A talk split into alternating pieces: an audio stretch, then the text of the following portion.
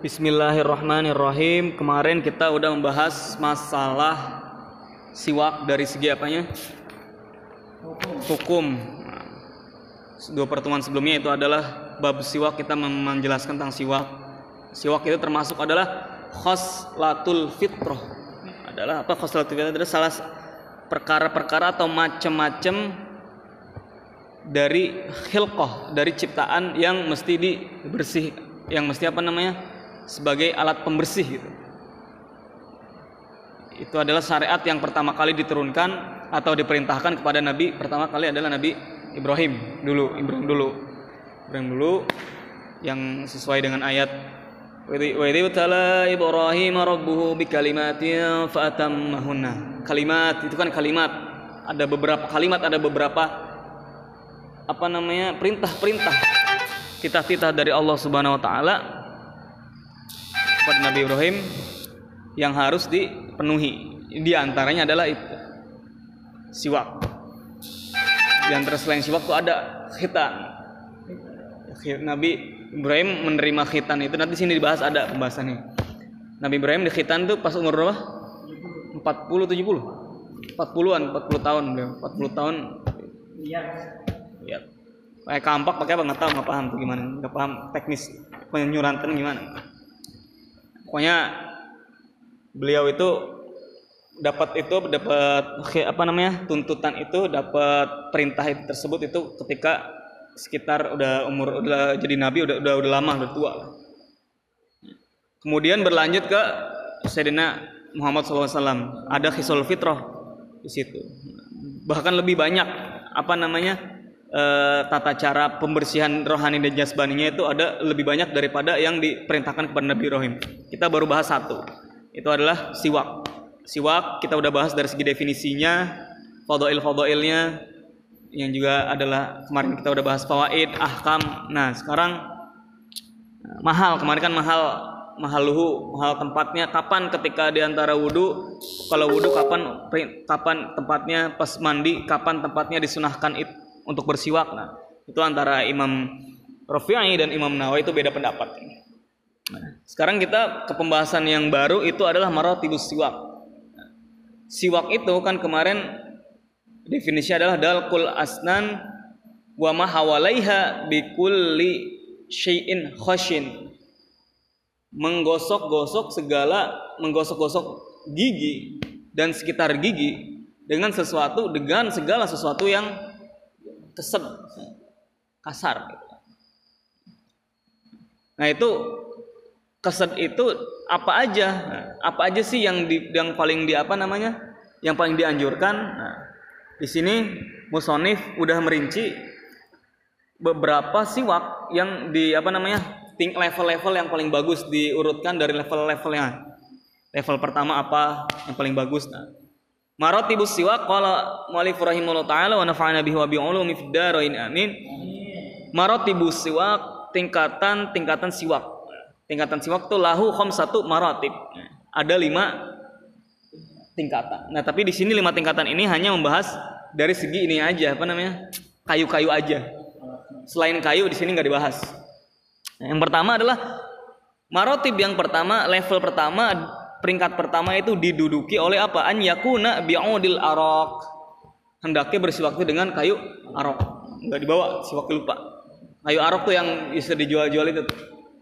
arok namanya, kayu arok. Ini nama pohon namanya pohon arok. Nah, itu nanti pohonnya itu batangnya tuh panjang gitu. Kayak akar, sampai keluar-luar, tapi ada daun-daunnya. Nah, itu biasanya orang apa yang pengusaha siwak tuh apa yang dagang-dagang siwak tuh itu motong-motongin masih bawa sekarung gelombongan gitu. Gelondongan taruh di depan masjid. Suruh milih mana gitu. Kalau kita kan udah jadi plastikan gitu di Indonesia mah ya. Kalau di sana di tempatnya di di Yaman ya di Saudi di depan Masjidil Haram masjid apa di, di depan Masjid Nabawi ada itu yang dagang siwak. Masih segini-segini itu siwaknya tuh. Segini. Ada guntingnya gunting khusus. Guntingnya tuh gunting gini ini tuh yang satunya kayak gini lancip tajam kayak pisau yang satunya gini lurus jadi mana yang mana pilih cekring gitu goceng ya kurang lebih lah harganya gitu Goce- gocengan lah harganya kalau di kita mah kurang lebih segitu harganya 100 real. Kalau kalau di Yaman 100 real, kurang lebih 5000. Sekarang mungkin 6 ribuan. Apa harga kurs Indonesianya? 100 real itu sama dengan 5000. Dulu. Nah, sekarang mungkin udah naik. Sekarang lah, apa tadi peringkat pertama adalah kayu arok. Peringkat pertama yang paling apa namanya paling afdol. Peringkat yang kedua paling afdol itu siwak itu dari apa? Thumma jari din nakhli. Yaitu adalah mengguna. Kemudian peringkat kedua adalah jari. Jari itu apa? Pelepah anakhli pohon kurma. Pohon kurma tuh ya kan kayak pelepah tuh apa? Kan kemarin kita udah bahas pelepah tuh kayak misalnya kayak kelapa. Daunnya daun kelapa tuh janur. Daunnya dihilangin daunnya. Daunnya dihilangin. Nah ininya nih lidinya itu nah itu namanya janur apa? Jarid nah itu kalau korma itu sama jaridnya kayak gitu. Nah itu dipotong-potong jadi siwak. Itu adalah siwak terakhir Rasulullah SAW ketika sebelum wafat di kantongnya itu siwaknya itu dari jaridin nakhl dari pelepah daun eh pelepah pohon kurma pelepah daun kurma peringkat ketiga diduduki oleh apa summa zaitun Mudi zaitun apa? Adalah kayu dari pohon zaitun. Dari ud zaitun. Naam asiwak zaitun min syajaratin barakah. Tatimah. Lama rawahu Darqutni ada apa namanya? Footnote-nya tuh diriwayatkan dari Imam Darqutni, ni'mas siwaki az-zaitun. Sebaik-baiknya siwak, siwak adalah zaitun. Min syajaratin mubarakatin yang diambil dari pohon yang berkah diberkahi. Tatibul fama yang bisa mengharumkan mulut. Watudhibul watud apa watadhabu bil hafri wa huwa siwakai wa siwakal anbiya apa namanya? Wa huwa tudhibu bil hifri mungkin apa bisa mencegah lubang gitu. Lubang-lubang itu. Wahwa siwaki kata Nabi wahwa siwaki itu adalah uh, siwak yang dari zaitun adalah siwak aku. Wasiwakul anbiya'i min qabli dan siwak-siwak para nabi terdahulu sebelum aku. Itu riwayat dari Imam Daruqutni peringkat keempat nah tadi peringkat sekarang peringkat keempat apa thumma kulli audin lahu raihatun Kemudian apa? Segala sesuatu kayu pohon dari apa kayu yang dari yang ter, apa terdapat dari pohon yang memiliki wangi, baunya enak. Apa aja ya? Mungkin bau-baunya enak ya apa gitu. Ya apa pun gitu, yang baunya enak. Cendana bisa jadi kan. Cendana enggak? Kan cendana aja bisa jadi ini. Sarung cendana. Sarungnya tuh jadi sarungnya diambil dari kayu itu kan serabut. Jadi sarungnya wangi gitu sarungnya tuh. Apalagi pokoknya pohon-pohon ilar royhan kecuali royhan royhan ini ngelihat di kamus tuh artinya kemangi artinya kemangi gitu kayak daun-daun gitu. Kenapa sih pohon apa pohon pohon kemangi itu nggak bisa di, kayunya nggak boleh kurang apa nggak bagus dipakai di sini di footnote-nya dijelaskan lima kila ada yang mengatakan sebagian ulama innahu yurithul judam judam judam itu lepra penyakit lepra kulit jadi ketika kalau itu bisa mengapa menyebabkan kita penyakit lepra kalau misalnya menggunakan siwak dari pohon raihan. Itu tadi nomor 4. Nah, sekarang poin yang kelima, peringkat yang terakhir adalah apa? Summa baqiyatil a'wad. Pohon-pohon yang lain. Tat boleh nggak dari pohon bambu? Mangga gitu bikin siwak dari pohon bambu. Pohon kelapa apa-apa. Pohon salak nggak apa-apa gitu. Menduren apa-apa pohon bernuk silakan terus wa kullu martabatin laha khamsatu maratiba ukhra nah dari setiap lima peringkat ini itu memiliki apa lima peringkat lagi apa ada lima setiap satunya ada lima tingkatannya lagi gitu setiap satu ada setiap satu misalnya arok nah punya lima ini lagi lima lima tingkatan lagi lima tingkatan lagi nah. Jadi semuanya majmuah ada 25 5 kali 5 25 fa afdalu marotib nah. Adapun yang paling afdol marotib dari setiap lima tadi adalah apa? An yakuna bil arok al mun al bil araki al munadda bil ma. Jadi hendaknya di apa namanya menggunakan arok kayu arok yang di apa namanya yang direndam atau yang dibasahi bilma dengan air. Jadi bukan arok yang kering ya, arok yang udah direndam dulu gitu. Jadi aroknya masih basah, arok basahnya itu basah karena air direndam sama air. Thumma al munadda bima wardi. Kemudian adalah apa? Kayu atau siwak yang munadda yang direndam bima wardi dengan air mawar. Kalau tadi kan yang pertama air biasa, air biasa nggak ada ya udah air air mawar. Yang ketiga, peringkat yang ketiga dari yang 25 itu apa? Thumma al-mudad al-munadda birriq yaitu adalah siwak yang di apa namanya yang yang direndam atau yang dibasahi birriq dengan ludah air liur. Kan maksudnya kan kalau kita mau ini kan kering. Tuh gitu kan dia apa namanya? Di direndam dulu. Jadi itu. Siwak tuh ya siwak meskipun dia ini dia udah kering ya ketika masuk ke mulut ada rasanya, ada apa namanya? Ada Tahu nggak pernah siwak kan kan? Iya. Ada nyes gitu. Siwak tuh. Yang kayu arok tapi bukan kayu ini ya, bukan kayu rambutan. Atau kayu bambu. Beda nanti ngeskrok belum dibersihin ada hinis semua giginya nanti.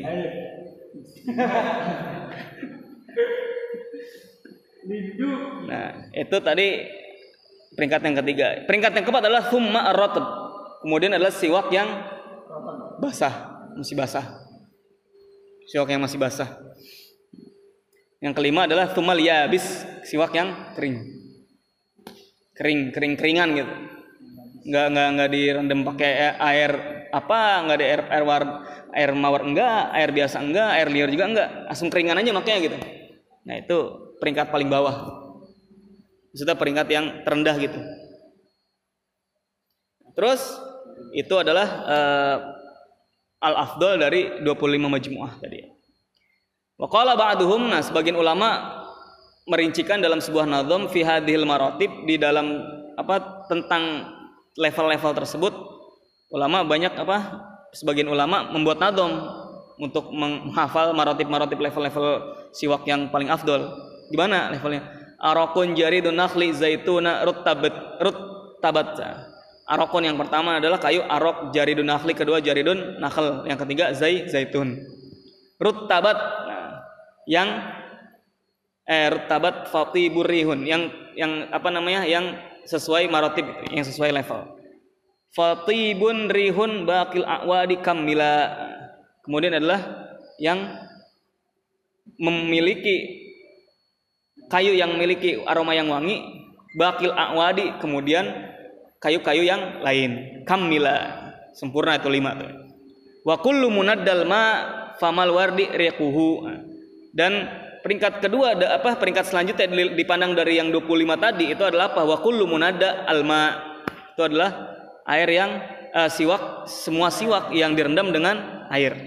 Famal famal wardi kemudian air mawar. Riquhu kemudian ludahnya fadul yabsi rotbun fisiwakid apa fisiwakid dari wa'mala fadul yabsi ada apa namanya kemudian yang di sini apa nih?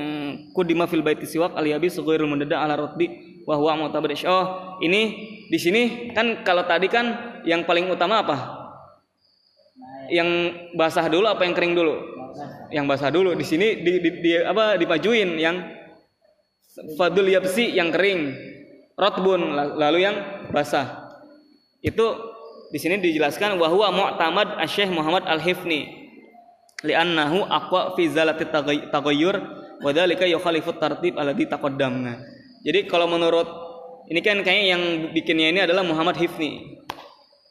Muhammad Hifni ini yang bikin nadoman ini, tapi Muhammad Hifni ini apa namanya mengedepankan Masya Allah Wah banyak ini jadi. One menit. Lailatul Qadar nih. Kat,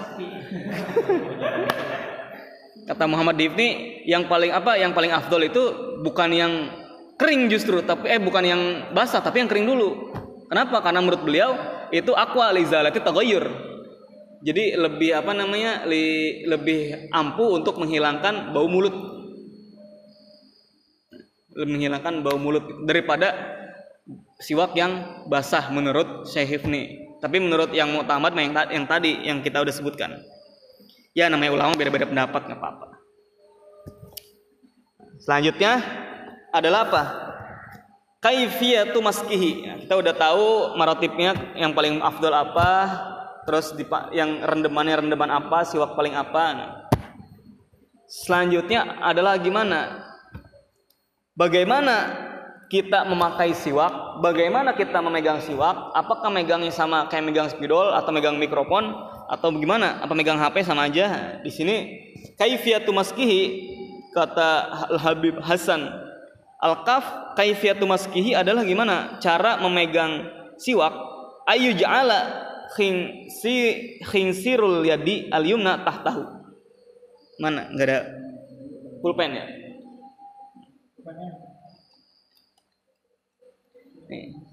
Ayu ja- ayu ja'ala khinsir apa khinsir nah. linking bingsir. Hmm. al yaj'ala khinsir di di bawah. Di bawah apa? Di bawah? Di bawah siwak. Ini siwak nih. Al yaj'ala khinsirul yadi al yumna tahtahu. Di di bawah. Di bawah siwak. Wal bingsiru wal wusta was sababatu fauqahu nah tiga-tiga ini khinsir eh bingsir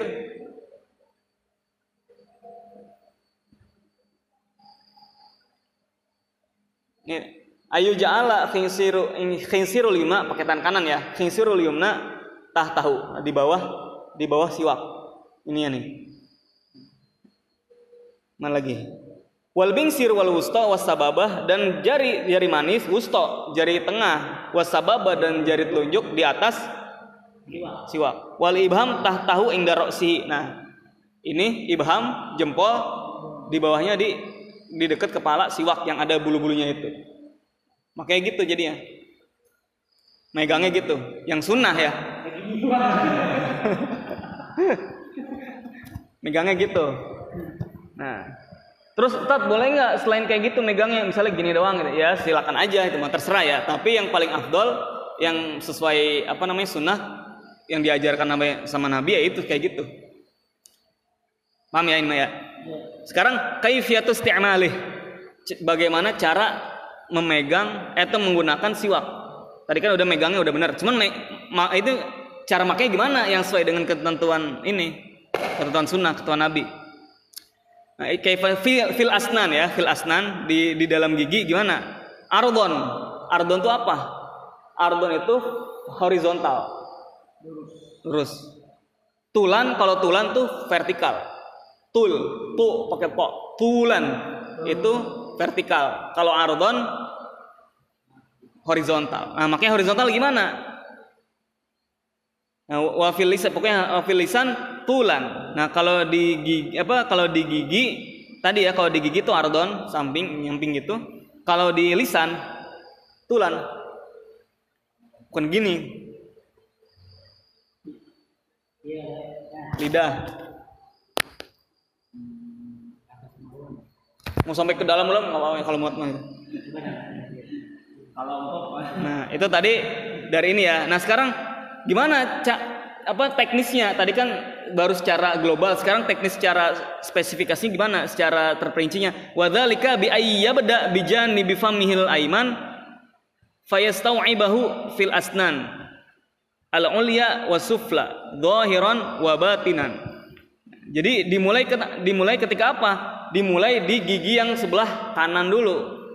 Bijanibi famil aiman kanan. Nah, di sini dari mulai sini nih. Set. Terus ke mana? Al ulya wasufla abis yang atas ke bawah. Nah. Zohiron di luarnya ya, yang di luar, gigi bagian luar maksudnya. Bukan yang dalam gigi, dalam tapi luar, gigi luar. Terus al ulya set set kat set. Nah. Thumma yaf'alu dzalika fi janibil famihil aisar. Terus sini ke kiri. Set. Jadi membentuk angka 8.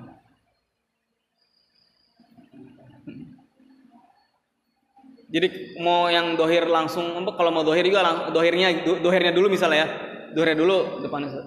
atau langsung dohir belakang, set sam- sambil dohir batin, dohir batin, set ke sini ke kiri dohir batin, dohir batin.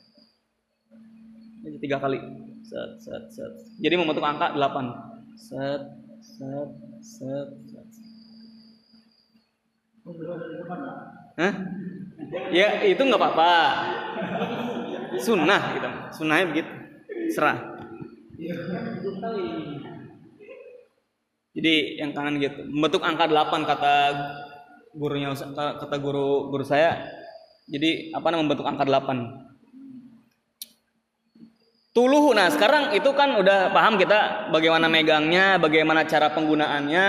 Sekarang tuluhu. Nah, panjang siwak, panjang siwak yang paling disunahkan, yang sesuai apa namanya? Yang sesuai syariat yang disunahkan. Itu seperti gimana sih? Yusannu alla yazida ala shibrin. Tidak boleh lebih dari satu jengkal ini. Shibr tuh satu apa nih? Satu telapak tangan kalian ya yang make ya. Kan orang kan beda-beda shibernya shiber tuh ini nih telapak tangan. Gimana telapak tangan gini nih? Eh gini gini, gini. kalau misalnya lebih dari sini waduh jangan. Kepanjangan. Kayak gini kepanjangan nih. Ya segini segini maksudnya seg- segini. Segini minim apa maksimal. Maksimal seini dari sini ke sini maksimal kalau tangannya oh tat, tangan saya segede ini segede apa segede buku di tangannya gitu gede ya. Ya udah berarti siwaknya yang panjang gitu tangannya dia. Yusannu an la yazid ala shibr. Disunahkan tidak lebih dari shibr. Tapi kalau Ustaz ya lebih enak sebenarnya lebih panjang. Yang segini nih enak dipakainya tuh. Jadi lebih apa? Lebih luasa ya kan beda-beda orang seleranya ya Siber tuh jengkal. ya jengkal ka- tangan se sejengkal tangan. Kalau bukan sejengkal kaki kalau jengkal kaki namanya apa ya? Asta. Asta. Kan ini tiro. Kalau shiber tuh satu lengkah tangan shibrun.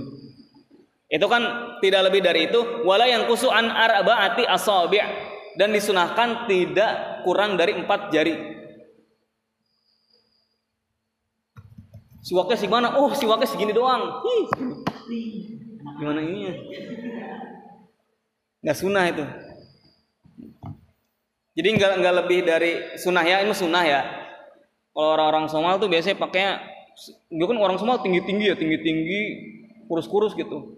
Dia nggak pakai sikat gigi jarang tuh. Jarang pakai sikat gigi jarang orang Somal mah. Jadi apa pakai siwak yang kecil-kecil. Warna hijau siwaknya juga. Kalau udah siwakan lama banget. 10 menit 15 menit gitu kan makanya giginya kenclong-kencong walaupun badannya itu namanya hitam-hitam ya tapi dia putih-putih. Siwakan pus puff wastafel. Tuh Udah. namanya ya mungkin dia sikat giginya pakai itu dia. Nah kalau kita tuh disunahkan pakai itu ketika ya waktu-waktu tertentu ya.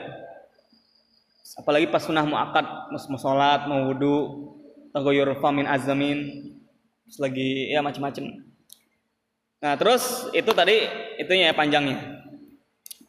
Kita udah tahu cara megangnya kita udah tahu cara penggunaannya. Sekarang eh udah dan udah tahu juga bagaimana panjang siwak yang disunahkan. Terus sekarang bagaimana doanya? Gimana sih doa bersiwak? Nah, apakah ada doanya? Ada doa yang warid doa fi awali. Sebelum nyiwak kita doa dulu. Sama seperti wudhu ada doanya juga. Meskipun doanya itu hadis doif. Eh bukan hadis malahan.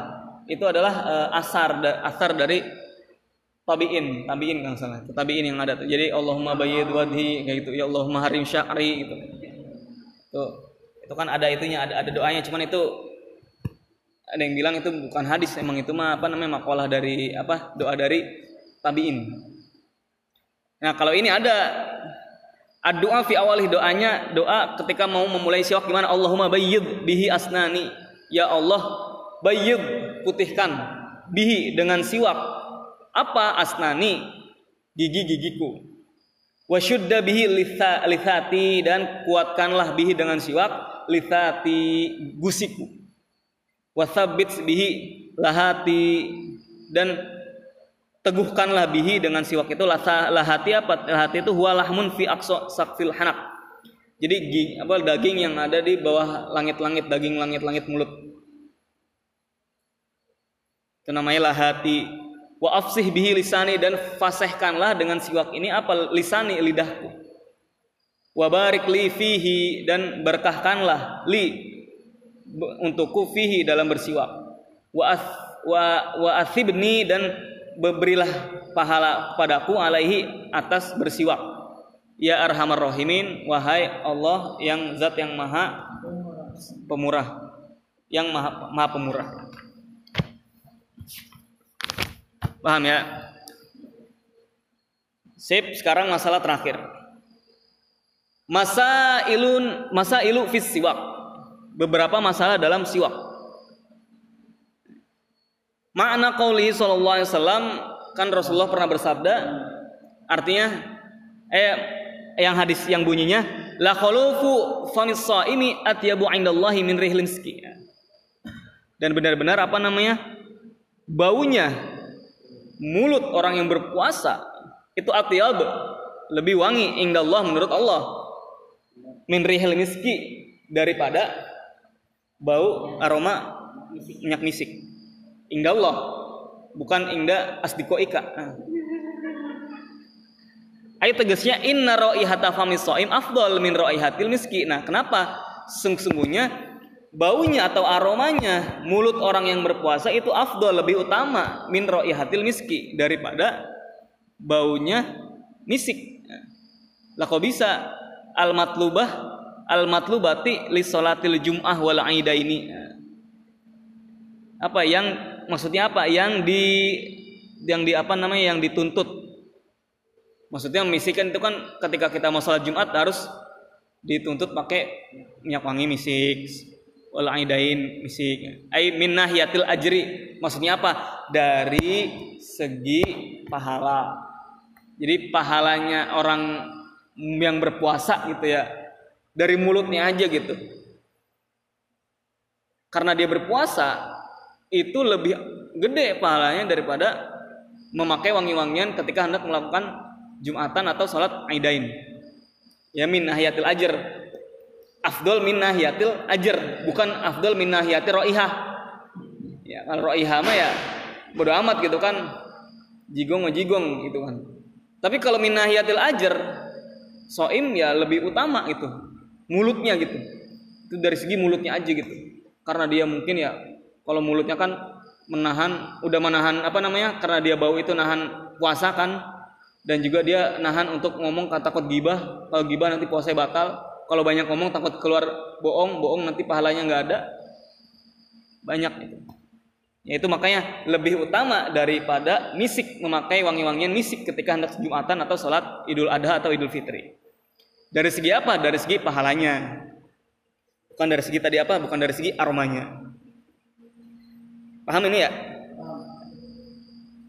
itu masalah yang pertama. Masalah yang kedua, yusannu bal'u riqihi inda awal istiyaqi bisiwakin jadid. Disunahkan ya. Bal'u riqihi menelan ludahnya. Inda awalis apa namanya? Ketika apa? Ketika awal menggunakan siwak dengan siwak yang baru. Jadi mungkin sepertinya nih maksudnya biar kering mulutnya jadi kalau mau pakai siwak yang baru disunahkan mulutnya kering gitu ya. Ya kan balak menelan rekuhu ludahnya. Biar di sini tuh di mulut tuh di dikosongin ludahnya. Habis itu langsung kita siwakan pakai siwak yang baru. Maksudnya yang baru beli atau baru ngambil, baru motong. Wala yusannu mas masuhu dan tidak disunahkan untuk menyedotnya. Kan kalau biasa kalau kalau kan enak tuh siwak kalau disedot tuh.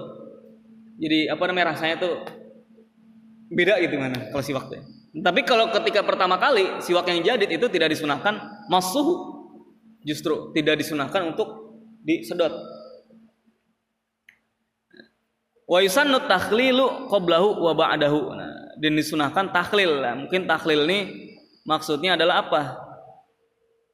Ini apa namanya? Tahlil kan gini nih. Kalau air tuh kalau wudhu tuh apa? Gini-gini dulu nih. Air biar masuk ke sela-sela tahlil namanya. Baik sebelum si, si- siwakan atau sudah siwakan. Siwak yang baru ya. Wa ayyan sibahu bihil bil ardi wala yatrahu ardon. Nah, dan disunahkan apa? Yang sibahu bil ardi untuk mendirikannya di di tanah giniin.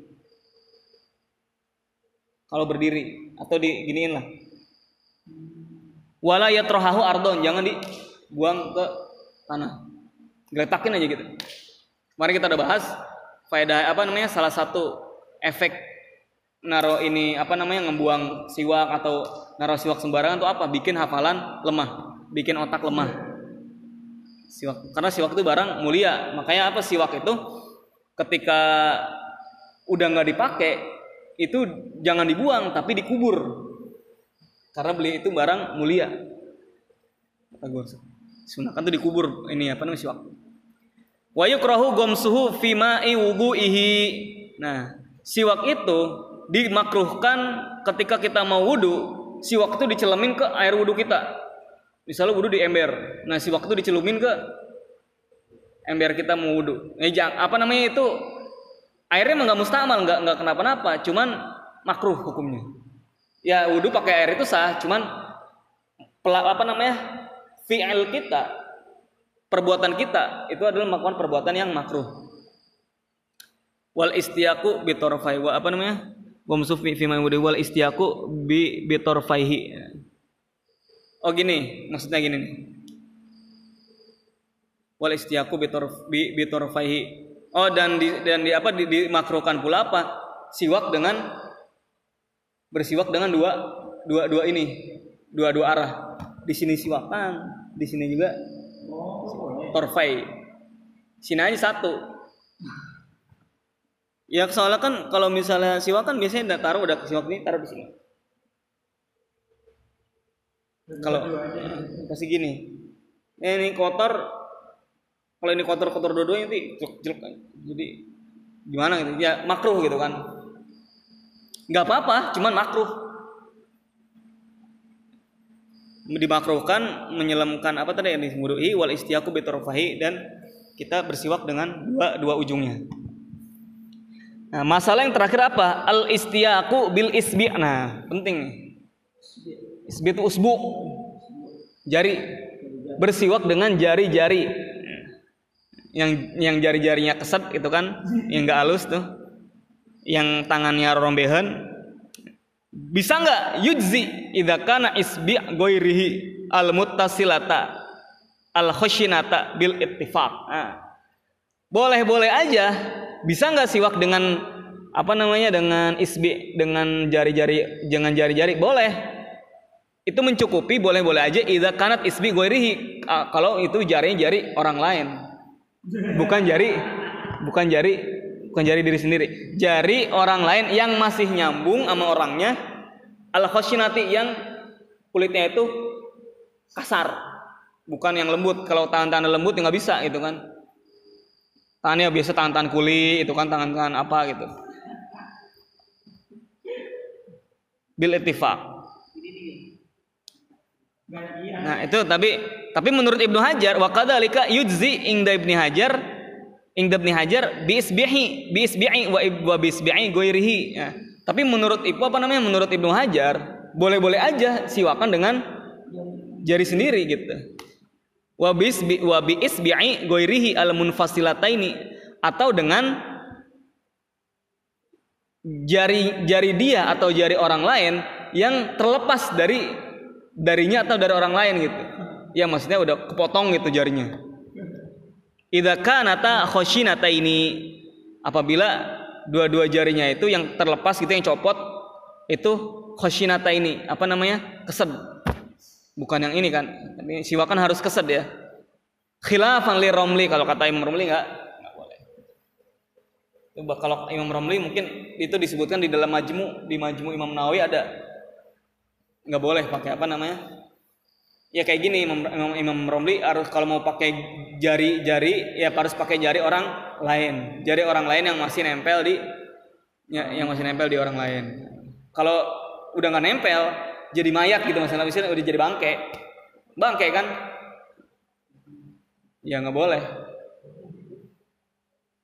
Tapi kalau menurut Ibnu Hajar monggo monggo aja gitu kan. Selama itu kulitnya itu khoshin kesak asap paham gak nih wallahu alam bis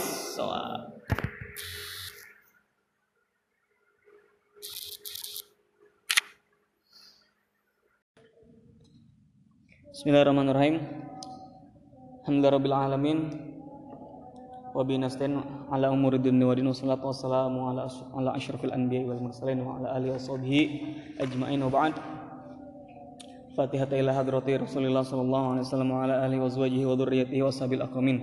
Wa ila jami'il awlihi ta'ala min masyarikil ardi ila magharibiha min barriha wa bahriha wa min janubiha ila shimaliha khususan ila ahli zamal wa ahli furat wa ahli akdar Ismal Fatihah ila Al-Habib Zain bin Ibrahim bin Smait wal Fatihah ila mu'alif hadal kitab Al-Habib Hasan bin Ahmad Al-Kaf usulihim furu'ihim wa ahli silsilatihim an Allah Ta'ala ويعيد علينا من بركاتهم وأسرارهم وأنوارهم وعلومهم في الدين والدنيا والآخرة وإلى حضرة النبي محمد صلى الله عليه وسلم الفاتحة. الحمد لله رب العالمين الرحمن الرحيم مالك يوم الدين إياك نعبد وإياك نستعين. الصراط المستقيم صراط الذين أنعمت عليهم ولا عليهم ولا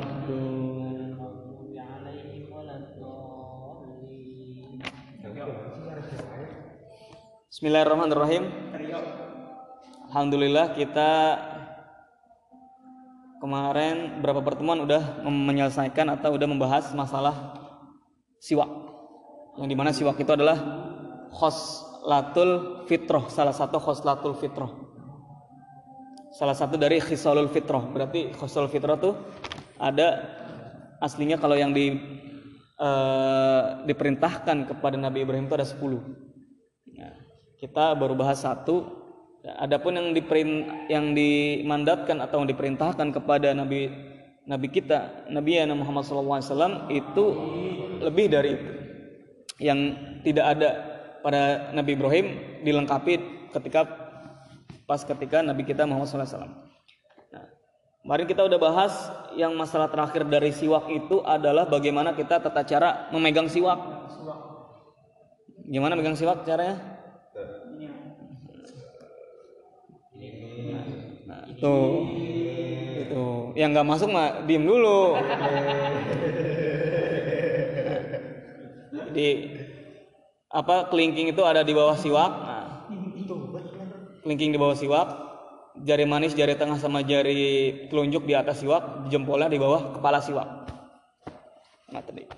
Jadi kayak gini.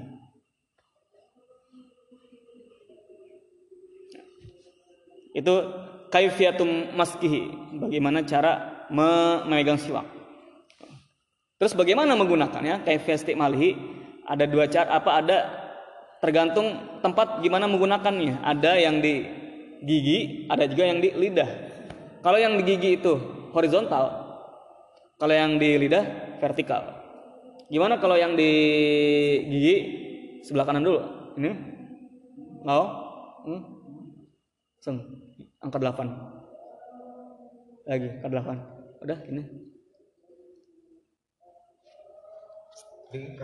Hmm? Kan vertikal. Gitu. Tata cara mem, apa namanya? menggunakan siwak.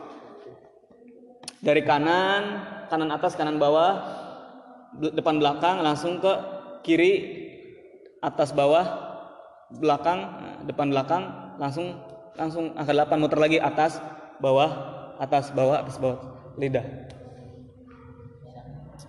Gampang.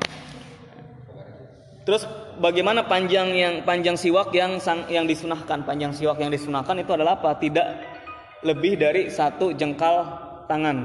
Tangan ini. Tali telapak tangan satu shiber tidak boleh lebih dan tidak kurang dari empat jari. Ada doanya juga udah udah apa namanya udah kita pelajari kemarin. Masail-masailnya juga kita udah pelajari kemarin. Nah, sekarang kita membahas setelah beres membahas siwak ada khoslah yang selanjutnya yang mesti kita bahas adalah apa? Khoslah atsaniyah. Bismillahirrahmanirrahim. Qala al-muallif rahimahullah taala wa nafa'ana bihi wa bi ulumihi fid dharain amin. Amin. Al-khoslah ats-tsaniyah. Perkara yang kedua, perkara yang kedua dari khisalul fitrah. Jadi bagi apa? Proses pembersihan jasmani dan rohani bagian yang kedua. Apa yang bagian yang kedua? Al-khoslatu tsaniyah itu al-iddihan. Apa il- iddihan? Dari kata dun, Iktihan, iktihal. iddihan. Itu apa? Ibtihal. Ibtihal. Iktihal. Eh, iktihal dulu, sorry. Oh iya, nggak kelihatan. Al tsaniyah itu tadi khoslah tsalitsah ya. Al tsaniyah al iktihal. Al iktihal itu apa? Dari kata kuhel. Kuhlun. Kuhlun itu adalah celak. Kalau kita emang sifat lah. Sifat tuh Sundanya apa? Sifat. Ya. Kalau sedok sifat bukan? Beda. beda. Sedong, sifat. Hah? Ada yang ngomongnya mas sedong. Sedong. Iya, sedong. Hmm, sedong. Se- Sifat kan sedok. Nah, saya sedok lah kalau bahasa Sundanya mah. Bahasa Arabnya al iktihal ber, ber- bersih apa namanya bercelak Nah, ini adalah salah satu sunnah yang enggak pernah Rasul tinggalkan siwak al iktihal wa yusannu an yakuna witra nah disunahkan bercelak ini harus apa? Witro. Tiga kali. Apa ya, tiga kali. Ganjil. Ganjil disunahkan gimana? Di sini salasan lil yumnya wa, salasan lil, yumna salasan lil yusra. Jadi tiga kali. Satu dua tiga. Satu dua tiga. Satu dua tiga. Tiga kali satu kurang tambah dua. Dua kurang tambah tiga. Sunnahnya ti tiga. Dua tiga kali sebelah kanan mata sebelah kanan tiga kali sebelah kiri. Kapan waktunya? Kulalailatin inda iradatin naum. Kapan waktunya? Ketika setiap malam ketika hendak apa namanya? Ketika hendak melakukan tidur. Ketika mau tidur. Misalnya udah wudhu segala macem kan udah wudhu sholat witir yang mau sholat witir atau sholat apa dulu misalnya kalau yang mau sholat sholat sebelum tidur abis itu sebelum kita ke beranjak ke ra- ranjang ini dulu si apa celakan dulu tiga kali tiga kali. Wa ayyakuna bil ismid ismid itu nama ininya sifatnya itu namanya ismid kan celak nama per- perbuatannya. Barangnya apa? Ismid yang hitam itu namanya ismid ismid Iya bukan bejana isinya. Isinya.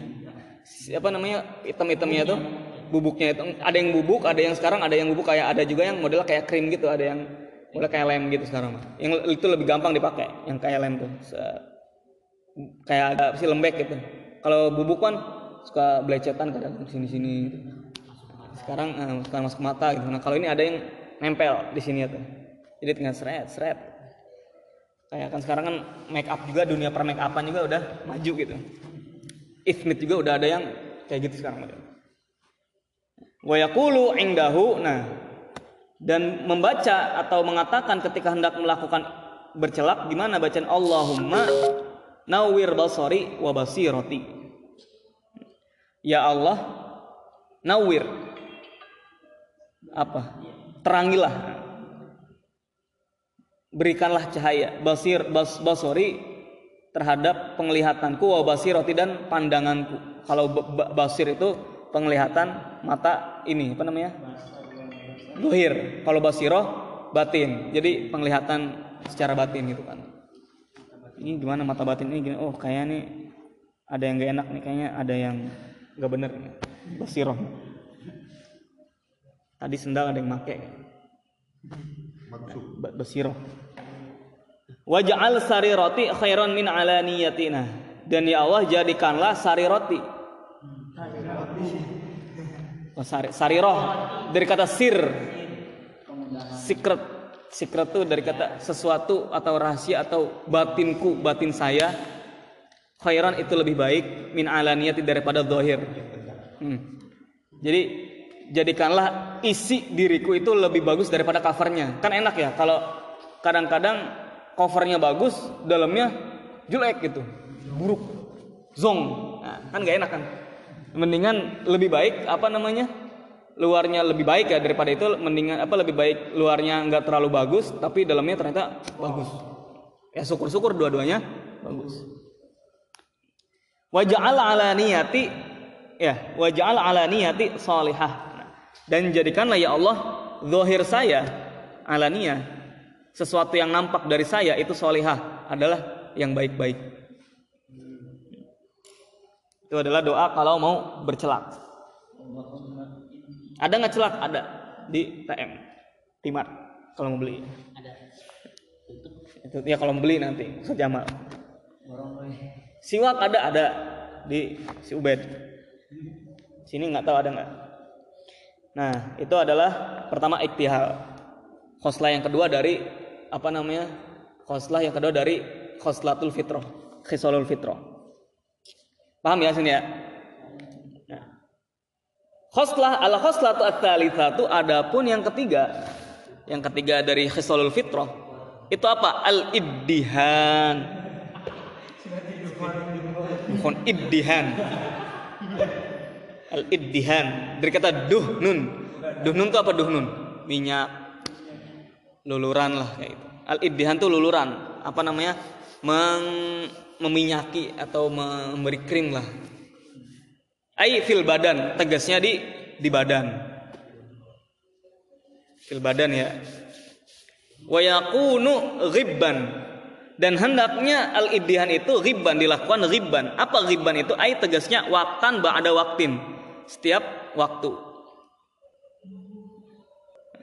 Wa yata'aqadu idza jaffal jildu. Dan sangat dianjurkan sangat sunnah muakadkan ketika apa? Idza jaffa jaffa tuh kering. Ngering apa al jildu? Kulit. Biasanya ngering tuh musim apa biasanya? Musim panas. Kering. Musim dingin juga lebih parah sebenarnya kalau kering tuh. Ini kalau di Indonesia nggak terlalu parah ya. Kalau di apa namanya kalau di aman tuh pertama kali ngerasin musim dingin itu lumayan kering. Bibir kering gitu kan. Cepet, cepet apa namanya? Tiba-tiba pecah-pecah kok. Pecah-pecah perasaan mak. Ini soalnya keringnya itu di aman tuh keringnya tuh kering apa namanya? Dinginnya tuh dingin kering. Bukan dingin. Kalau kita kan musim dingin ya dinginnya lembab gitu. Hujan mulu. Kalau di sana kan hujan setahun sekali setahun dua kali gitu. Jadi ada musim dingin itu ya kering musim dinginnya. Apalagi dikelilingin sama ini gunung batu. Kalau musim panas udah kayak hawu gitu kan. Kalau musim dingin ya itu kering. Dingin ya kan pentalannya. Kalau pentalan kan panas kan dari matahari ke gunung batu ke muka. Tuh gimana tuh? Bayangin tuh. Kalau gimana kalau di Indonesia mah hijau semua. Dari matahari macai diserap ke iya nyerap dulu ke apa ke pohon-pohonan ke mana gitu. Ya ke, ke kitanya paling lembab gitu. Ya paling ada hawa-hawa panas gitu. Cuman hawa panasnya nanti ya nggak bisa keringetan lah gitu kan di Tarim di Hadramaut ya itu baju tuh musim meskipun musim panas yang panas sampai 40 derajat itu baju bisa satu baju bisa sampai tiga, tiga hari kepaketnya. Satu baju karena nggak keringetan. Nggak keringetan musim panas tapi nggak keringetan. Lembab gitu. Eh bukan lembab kering. Kalau musim panas lembab ya kayak di kita gitu kan. Keluar dikit keringetan makanya ini banget. Kalau musim nah sama kayak di kalau di Maroko musim dinginnya. Musim dinginnya tuh apa namanya? Kalau main futsal tuh ya main futsal sejam tuh. Kayak perasaan tuh nggak ada faedahnya. Kenapa? Nggak ada keringetnya gitu. Sejam padahal. Set ini. Kalau dia Dika main itu baru setengah jam udah cocoran gitu kan. Keringet.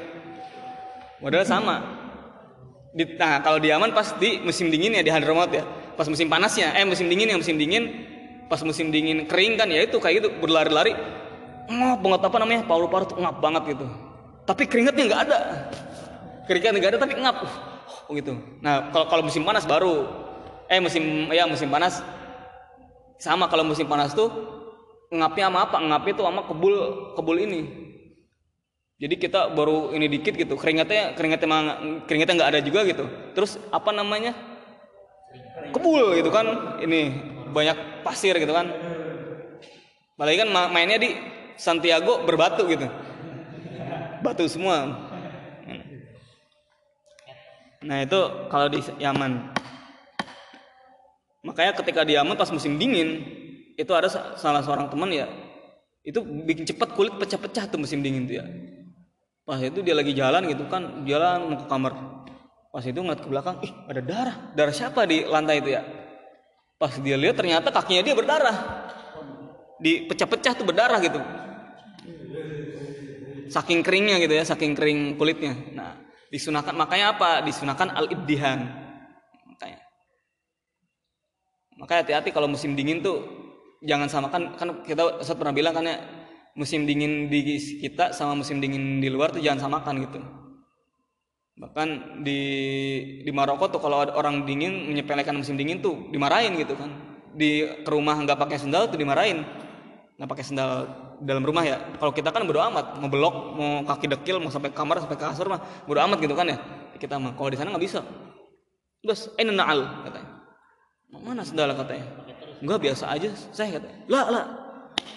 Al maghrib bird al maghrib Maroko tuh dingin jangan samakan katanya kata saya Mustafa apa meriwayatkan dari hadis itu kan ada salah satu sahabat itu meninggal gara-gara kedinginan.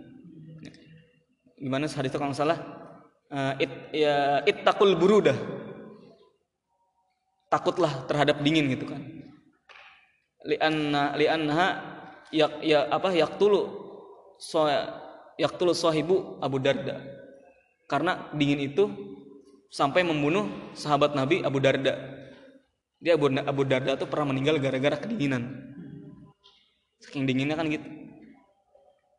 Kayak kalau pas lagi Khalifah Khalifah Umar bin Khattab lagi itu pas mau masuk musim dingin tuh beliau tuh ini bagi-bagiin selimut ke orang-orang miskin. Nah, orang miskin kan boro-boro beli selimut kan, bagi dibagi-bagi tuh dari apa uang-uang sama khalifah daripada orang meninggal kedinginan gitu kan di rumah yang gak ada selimut mendingan di bagi-bagiin gitu selimut penting banget kalau di daerah dingin.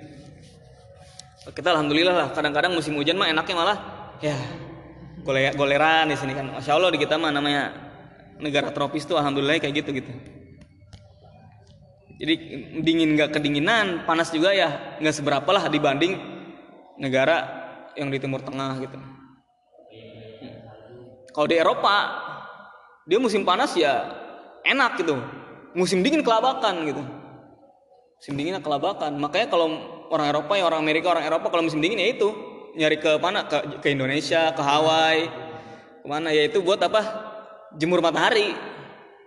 Jemur matahari bagus juga buat kulit mereka gitu. Kulit mereka kan merah-merah. Ada merah-merahnya merah-merah tuh ketika kena matahari negara tropis gitu ya itu jadi bagus jadi eksotis kulitnya tuh. Kalau kata mereka mah kalau kita mah tetap aja sawo matang gitu. Kalau kata mereka mah eksotis gitu.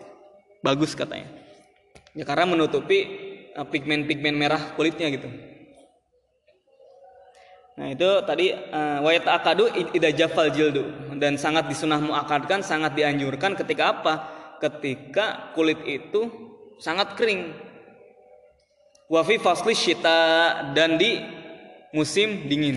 Musim dingin tuh pas diaman gatal banget. Pas awal-awal kan kulitnya kan belum adaptasi ya. Kalau udah lama, kalau udah setahun setahun misalnya di Hadramaut nih. Nah tahun kedua udah nggak gatal, nggak terlalu gatal gitu. Tahun ketiga udah biasa, kebal gitu. Tapi kalau udah kayak Indonesia lagi, nah balik lagi, nah sana kalau ngerasain musim dingin gatel lagi kayaknya. Soalnya kulit kita adaptasi lagi. Sama kayak orang Maroko yang biasa hidup dingin, pas ke Indonesia itu kulitnya belum kasih. Itu saya Mustafa pas ke, Indonesia itu ini kulitnya tuh apa namanya kan biasa kulit kulit negara dingin ya. Apa nggak terlalu panas gitu. Pas ketika ke sini kan kita mah keringetan tropis gitu. Minimal aja derajat tuh 25 gitu mah. 25 paling paling dingin tuh kadang 20 kalau musim hujan. Kalau 25 tuh sedang lah. Lagi itu lagi panas-panas ya pas ke sini tuh. Jadi ini tuh bibirnya tuh apa namanya? Iya agak-agak lebam-lebam gitu. Dikasih salep gitu kan. Kasihan banget kenapa ini? Ternyata emang nggak kuat gitu. Panas negara Indonesia tuh karena kulitnya itu belum terbiasa sama panasnya Indonesia sama kita juga kalau awal-awal ke negara mereka mau ke Timur Tengah ke mana ya belum terbiasa gatal-gatal dulu apa apa dulu nah, pakai bisa pakai vaselin Vaselin tuh yang krim tuh. Vaselin bisa atau pakai hand body apa gitu. Bisa. Ya, paling bagus di sini pakai apa? Zaitun. Zaitun.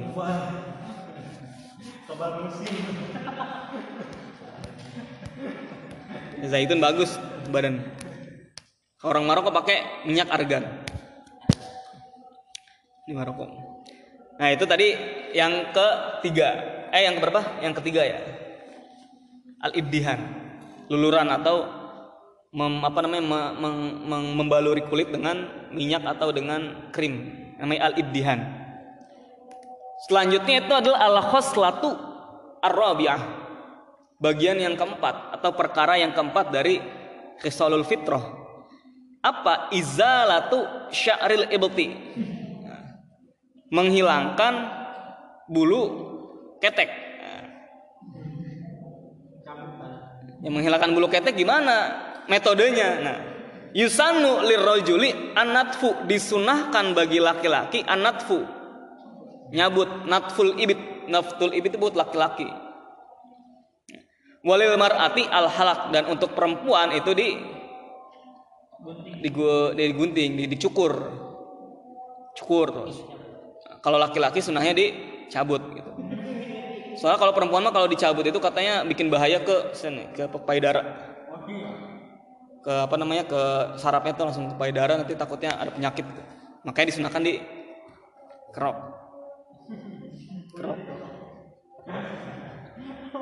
cabut. Laki-laki kalau laki-laki cabut disunahkan. Is, ya kalau semua semuanya. Makanya kan ada waxing sekarang waxing. Nah, waxing tuh sebenarnya bagus buat laki-laki sunahnya. Kalau waxing perempuan ya jangan perempuan mah cukur aja cukur. Mana ke ini ke barber- barbershop? Mang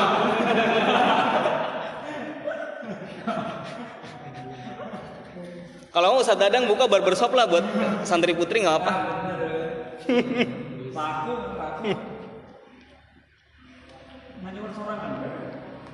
Tuh.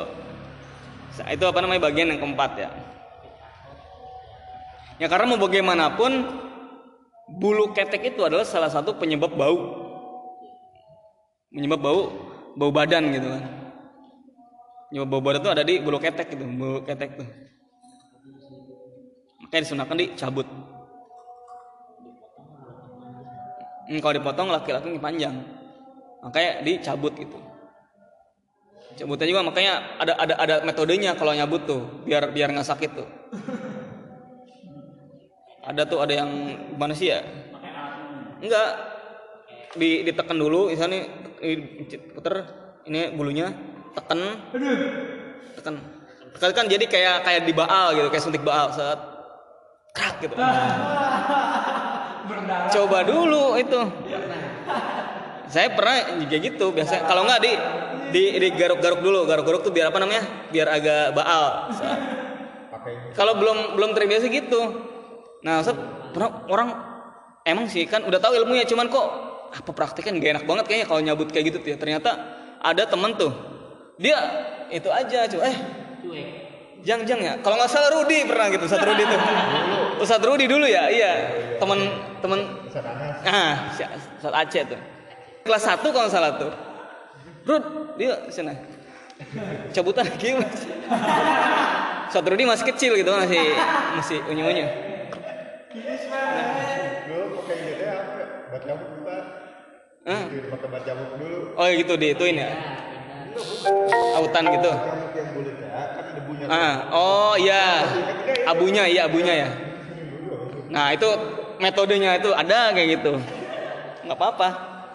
Ya emang kan orang-orang zaman dulu ada ya metode gitu. Korban, korban, korban. Iya. Ingat ya dulu masih unyu-unyu dulu. Nah, sekarang adalah al-khosla al-khamisah. Al-khosla al tadi khosla yang keempat, bagian perkara yang keempat adalah menghilangkan bulu ketek. Sekarang al-khosla al-khamisah perkara yang keempat apa? Izalatu sya'ril anah. Menghilangkan bulu kemaluan. Baik laki-laki atau perempuan. Wa al istihdad disebut juga namanya al istihdad nama istilahnya Is- nama apa nama menghilangkan bulu kemaluan tuh namanya al istihdad istihdad namanya Istiqdad. istihdad. Ay yalla istahdid istahdid.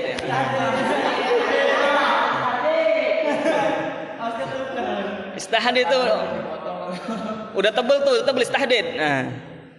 Udah jembrongan nah. Wa yusanu nah, wa yusanu dan disunahkan halquhu lirrajul nah disunahkan apa? Halquhu dicukur lirrajul untuk laki laki wanut wan- wanutfuhu lil mar'ah dan kalau perempuan dicabut. Bulu kemaluan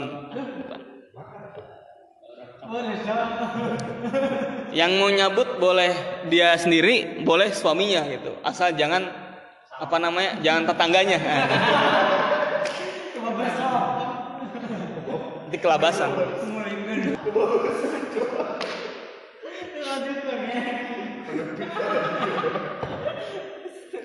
itu kalau nggak salah di sebagian tempat tuh ada itu.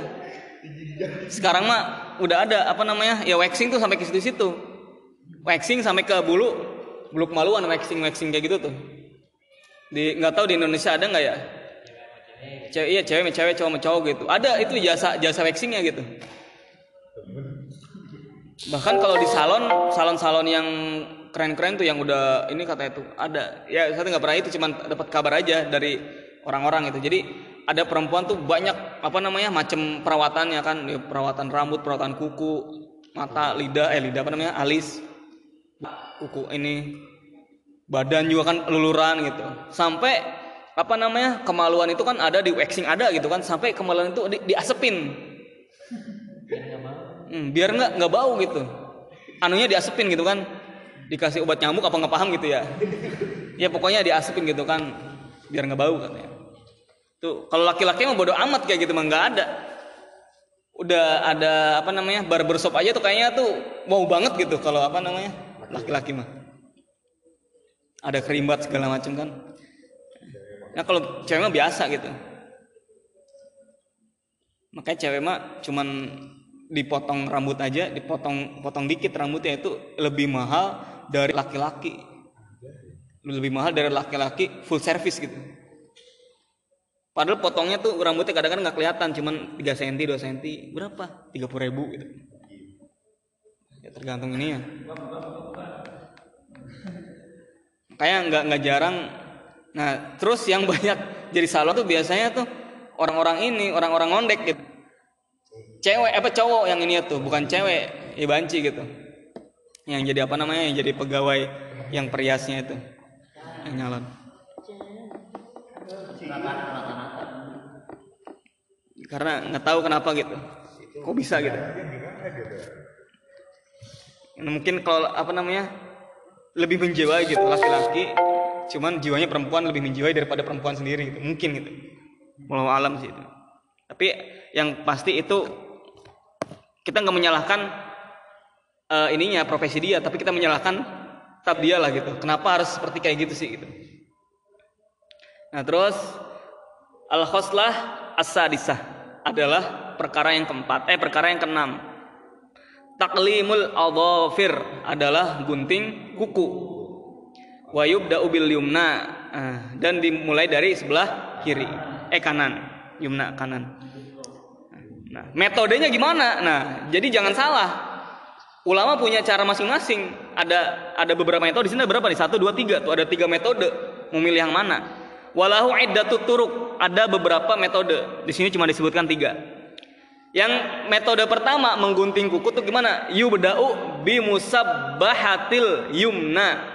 Dimulai dari musabbahah. Apa musabbahah? Nih musabbahah nih. Kenapa disebut musabbahah? Karena musabbahah dipakai biasanya orang tuh ketika tasbih pakai ini, tasbih tuh. Subhanallah. Subhanallah biasanya. Dan juga ini karena suka dipakai tasyahud asyhadu alla ilaha illallah. Asyhadu alla la ila- la ilaha illallah. Kan biasa pakai ini. Makanya di fatul di fathul apa? Bukan fat- apa? Fatul qorib sarahnya apa? Bayjuri ya? Di bayjuri itu dijelaskan kayak gitu. Kenapa disebut eh, apa namanya disebut musabahah karena itu dipakai pertama buat tasbih. Tasbih. Kadang-kadang disebut al musabbah kadang-kadang disebut as-sababah. As-sababah karena dari kata sabba ya subuh. Apa sabba ya subuh? Wala wala tasubbu ba'dukum ba'du apa tasubbu? Me, menuduh. Makanya disebut sabab karena eh lo lo yang maling. Nah, biasanya kan apa namanya? pakai ini, pakai pakai telunjuk apa? Gak mungkin, weh lu. Nah, nah. Gak mungkin pakai kelingking kan? Nah kalau gitu, eh, sabobo. Kayak pakai pakai pakai apa nih? Pakai pakai ini, pakai ini. Makanya disebut sababa. Karena kita orang tuh kalau menuduh tuh pakai telunjuk. Lo sab kata sababa. Nah, yang torika yang pertama gimana? Yubda'u bi musabbahatil yumna. Dimulai dari musabbaha dari ini sebelah kanan. Ila khinsiriha sampai dari sini mulai sampai khinsir sini ya. Musabbaha, wusta, bingsir, khinsir. Thumma bi khinsirihil yusra dari sini ke sini langsung. Khinsiril yusra ila ila ibhamiha tat tat tat tat tat. Nah, Thumma yakhtimu bi ibhamil yumna terakhir di sini. Ha wa hadza indal Imam Al-Ghazali ini adalah metode Imam Imam Ghazali yang Ihya Ulumuddin. Meskipun banyak ulama-ulama tuh mengkritik ini dari mana dasarnya? Ngasal aja banyak. Ya tapi Imam Ghazali ya pasti Imam Ghazali nggak sembarang ngomong kan. Ada sandarannya meskipun banyak yang kritik. Nah itu kita hanya mempelajari kalau ini adalah tata cara Imam Ghazali. Dimulai dari sini telunjuk sampai kelingking terus dimulai dari kelingking kiri sampai jempol. Nah dari jempol pindah ke kanan lagi ke jempol kanan. Jadi terakhirnya di mulai dari sini terakhirnya di sini. Sama kaki juga gitu eh eh, ini apa namanya? Kalau kalau kaki nanti ada pembahasan beda lagi.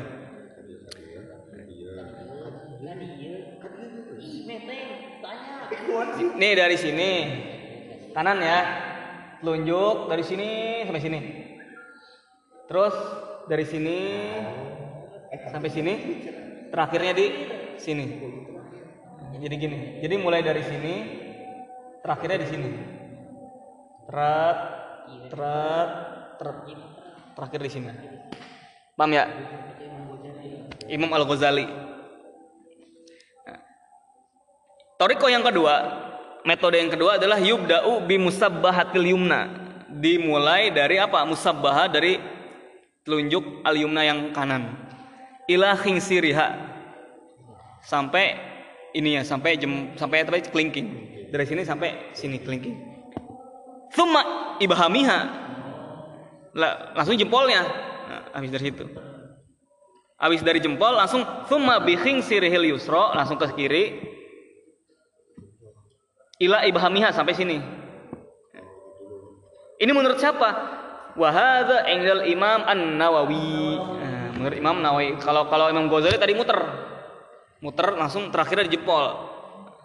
Tapi kalau Imam Nawawi apa Imam Nawawi enggak dari sini dari dari telunjuk sini jempol kanan baru ke kiri kiri kelingking kiri sampai jempol kanan eh jempol kiri jempol kiri. Jadi kalau Imam Nawawi beresin dulu yang kanan, habis itu yang kiri. Nah, metode yang ketiga adalah wayu bedau bil yumna tertib. Nah, ala khawabis. Nah, khawabis. Nah, khawabis itu apa? Jadi nomor nomor tiga itu adalah apa? Ada ada rumusnya. Yang kanan khawabis. Apa khawabis? Khinsir. Kho Terus wa gusto. A ibham ba bingsir eh i, apa namanya? A-nya iba ini ya. I, i, i- apa ibham tuh ini ya jempol ya. Kho habis. Kho khingsir. Wa gusto. Terus alif ibham. Terus bis ba bingsir. Sin sababa. tak tak tak tak ini jadi kelingking dulu habis kelingking ini usto kho kho kho wa wa a a bi ba es, sin. Sin sababah ya. Apa?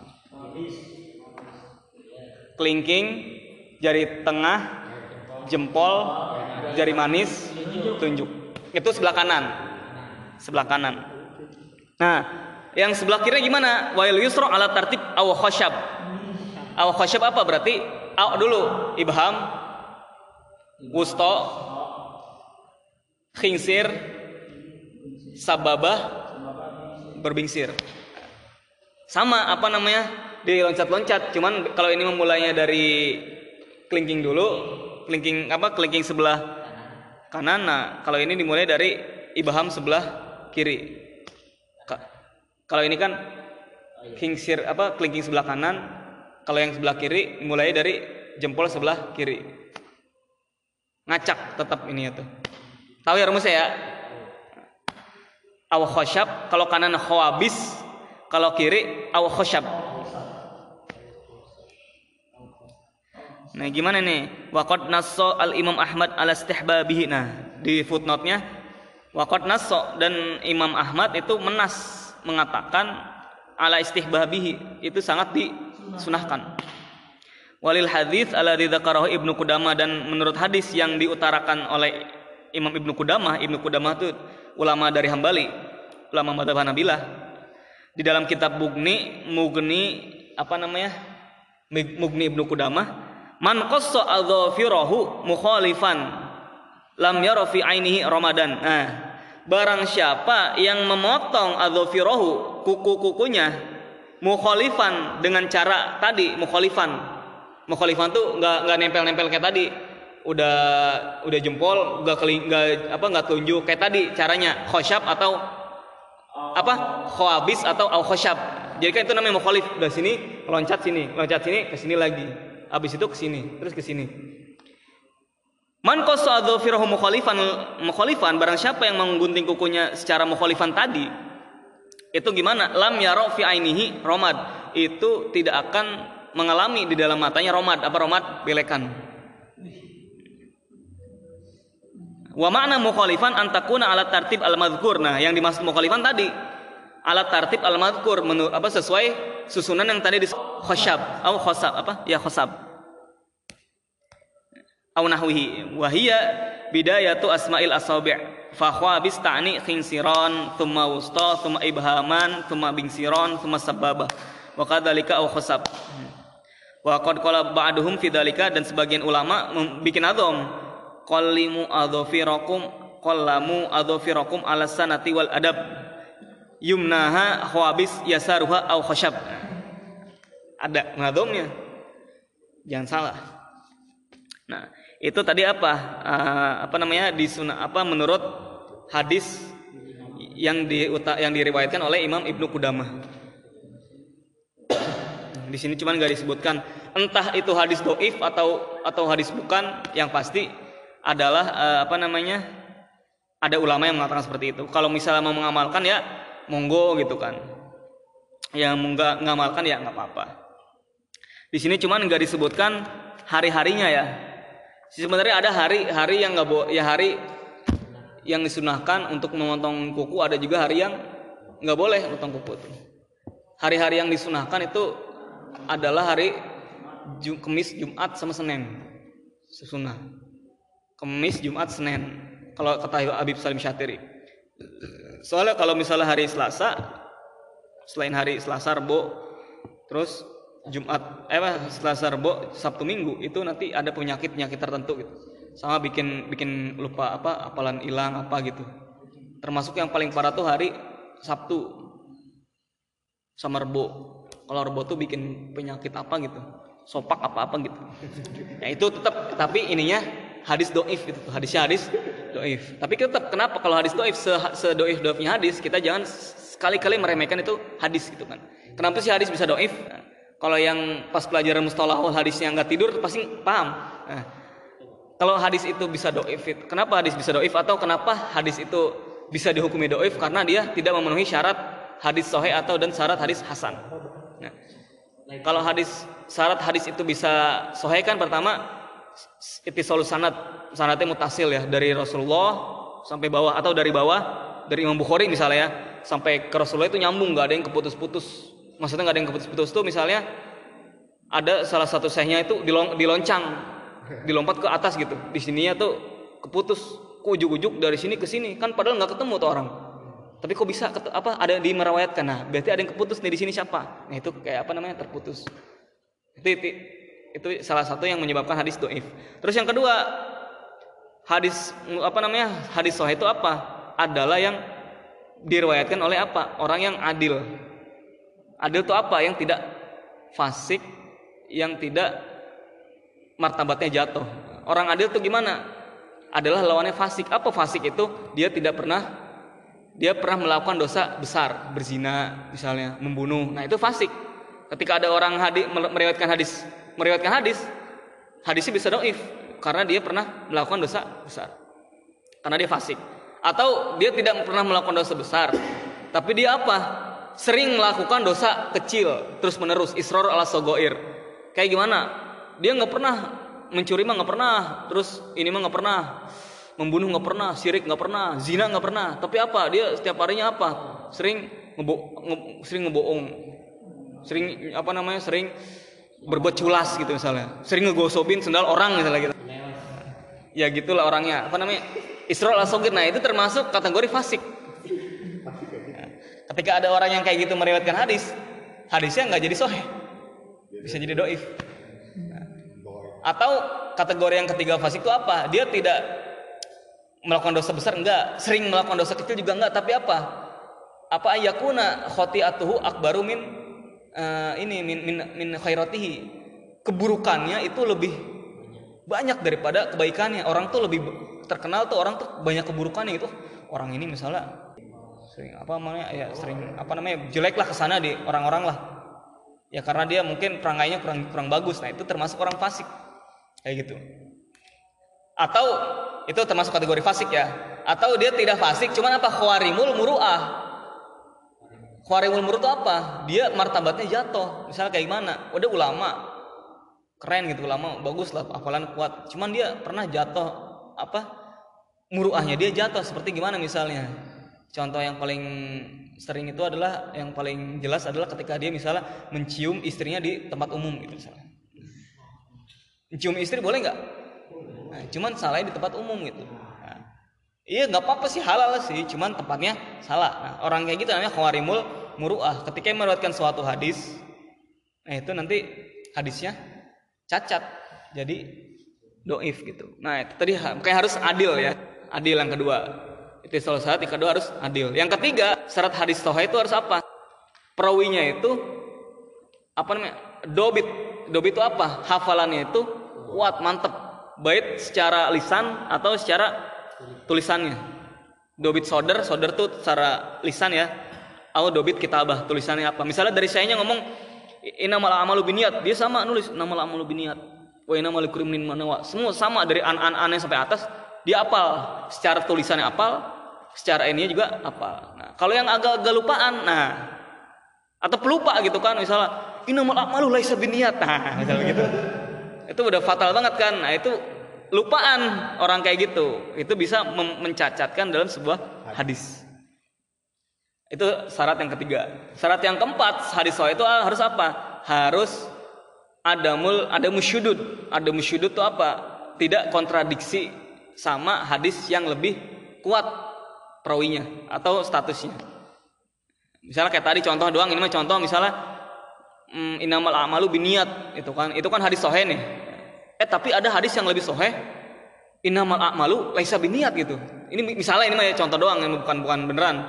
Tapi ini perawinya sohe nih inamal amalu apa laisa biniat tuh perawinya bagus lebih kuat dari ini. Nah itu kan kontradiksi nggak? Nah nah ini hadis ini meskipun perawinya bagus kuat tapi berbenturan sama yang lebih kuat itu namanya syudud kontradiktif. Nah, yang terakhir syarat yang kelima adalah hadis apa namanya perawi hadis itu eh, syarat hadis sahih adalah apa? Adamul illah tidak memiliki ilat. Baik ilat yang ada di matan atau ilat yang ada di perawi. Ya perawinya misalnya pemalsu hadis. Perawinya misalnya tukang bohong. Perawinya atau misalnya di dalam matannya itu ada susunan katanya tuh kurang bas di bahasa Arab. Nah, itu termasuk ilat. Nah, Nah, ketika hadis ini tidak memenuhi salah satu dari lima syarat itu nanti jadi hadisnya hadis do doif. Kayak gitu.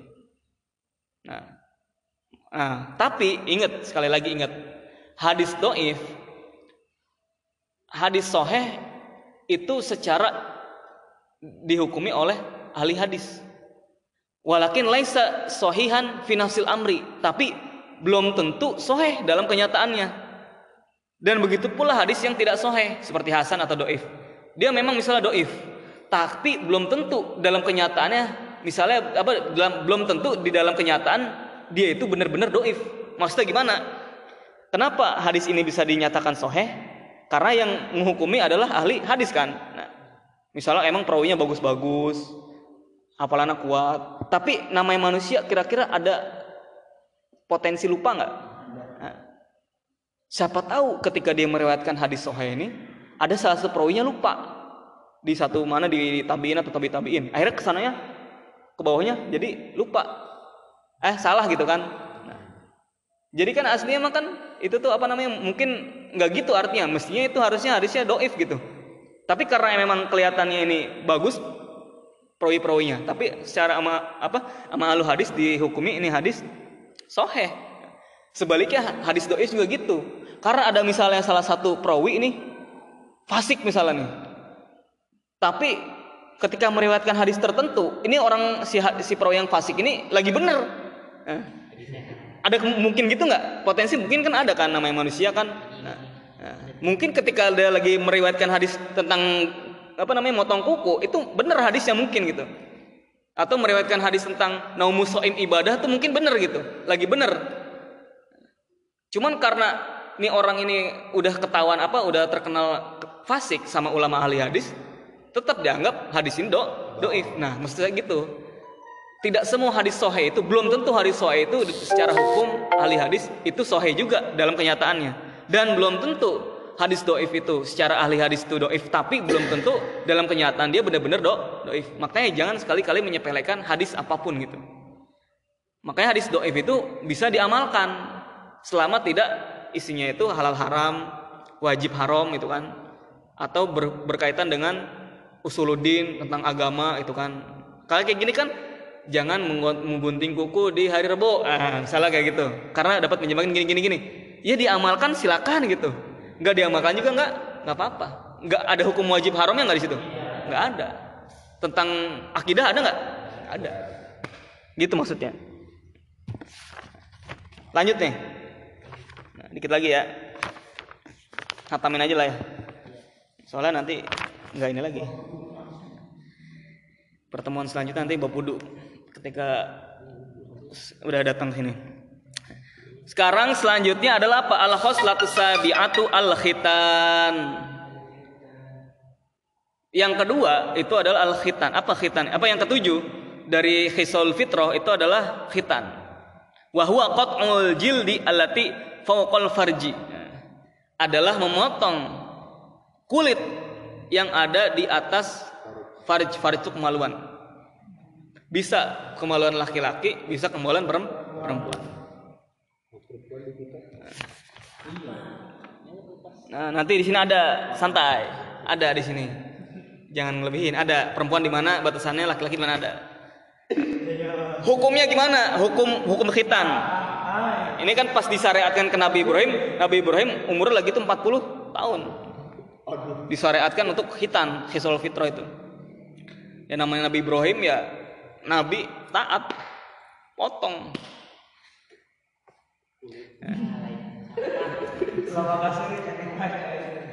Jangan bayangin motongnya gimana nggak paham.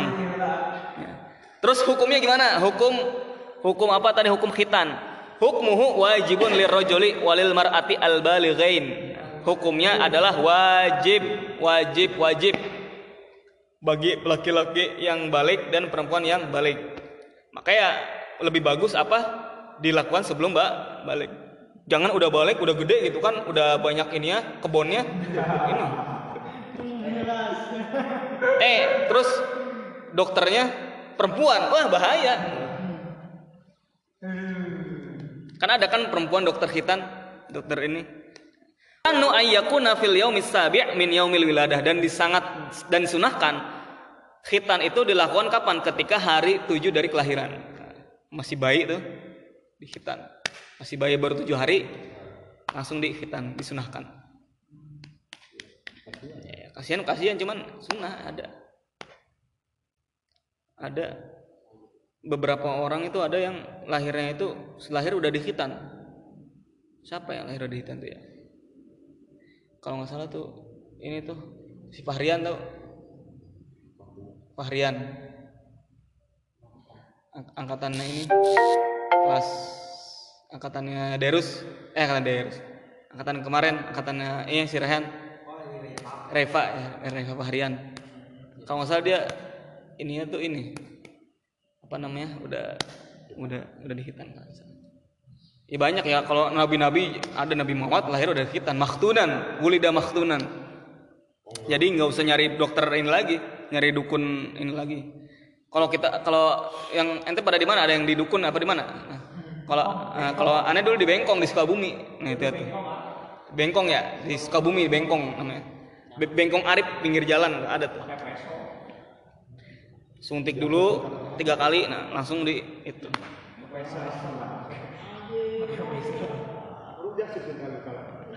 Ini kalau sekarang mah udah nggak ini, udah nggak sakit di itu tuh. Pakai saat gitu.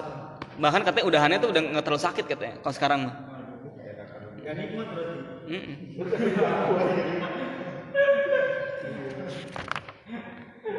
Sekarang kodruhu, ah, batasannya, batasan eh, laki-laki itu kapan? Eh laki-laki itu batasannya gimana? Batasan apa yang dipotongnya gitu? lirojuli eh, lirojuli bihaitu yaqta'u jami'al jildati sekiranya memotong semua kulit allati tughatti jami'al hasyafa yang menutupi semua helm helm. Hasyafa tuh helm. Kepala zakar namanya hasyafa. Nah hasyafa namanya helm. Atau ini roksu zakar kepala zakar. Kepala zakar namanya hasyafa. Nah dipotong itu. Nggak nggak boleh kelebihan. Kalau kurang juga kalau terlalu sedikit nanti bahaya. Bisa numbuh lagi. Ada yang udah disunat mungkin nggak sampai ini gitu. Ada yang bilang kurang kurang ini batasannya kurang atau dia jahitannya kurang bagus gitu. Itu numbuh lagi katanya ada. Makanya ini itu bengkongnya dokternya tuh harus ini ahli. Tapi sekarang insya Allah udah keren-keren lah. Itu kalau laki-laki. Tat kalau semua kulit gimana? Jangan. Bahaya semua kulit.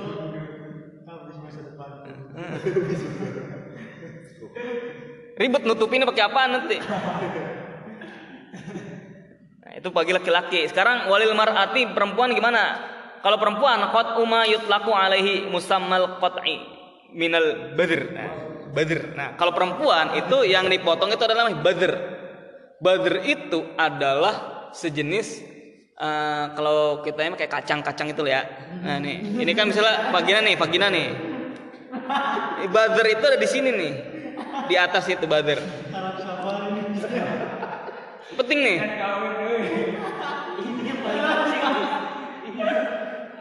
Penting ini ilmu soalnya kalau fikih itu harus jelas. Mau dijelasin gak nih? Badr itu kalau bahasa kitanya mah klitoris bahasa itu ya itu bahasa apa namanya bahasa ini bahasa ini klitoris atau kalau bahasa Indonesia namanya kelentit nah itu namanya badr. Bahasa Arabnya bidr. Nah, itu perempuan itu harus dipotong. Emang harus apa ada dari kecil harus ada harus udah dipotong itu. Kenapa? Dan juga potongannya juga kata dosen satu Syekh Muhammad Bangudon, bibir itu dipotong itu nggak boleh terlalu kepanjangan, potongannya nggak terlalu nggak boleh terlalu pendek. Atau nggak dipotong nggak dipotong sama sekali jangan. Kenapa? Karena kalau misalnya itu dipotong kepanjangan, itu nanti si ceweknya tuh nggak ada sahwat, udah gedenya. Nah, sapat kebanyakan gitu sapatnya tuh. Padahal makanya cuman di congkel aja ada itunya tuh te- teknisnya. Yang nggak tahu itu cari bidan lah. Pokoknya kata itu ada dikit aja itu ya tuh potongnya tuh. Ada kala kadarnya. Ya atau nggak dipotong sama sekali. Nah kalau nggak dipotong sama sekali itu nanti sahwatnya gede banget udah ma- perempuan mah sahwatnya gede kan? Nah, nggak dipotong tambah gede lagi. Nah itu kalau nggak dipotong itu bitter kalau udah gede itu bisa manjangan. Kalau nggak di kalau nggak dipotong. Jadi. Jadi misalnya ini perempuan panjangan. Oh gitu.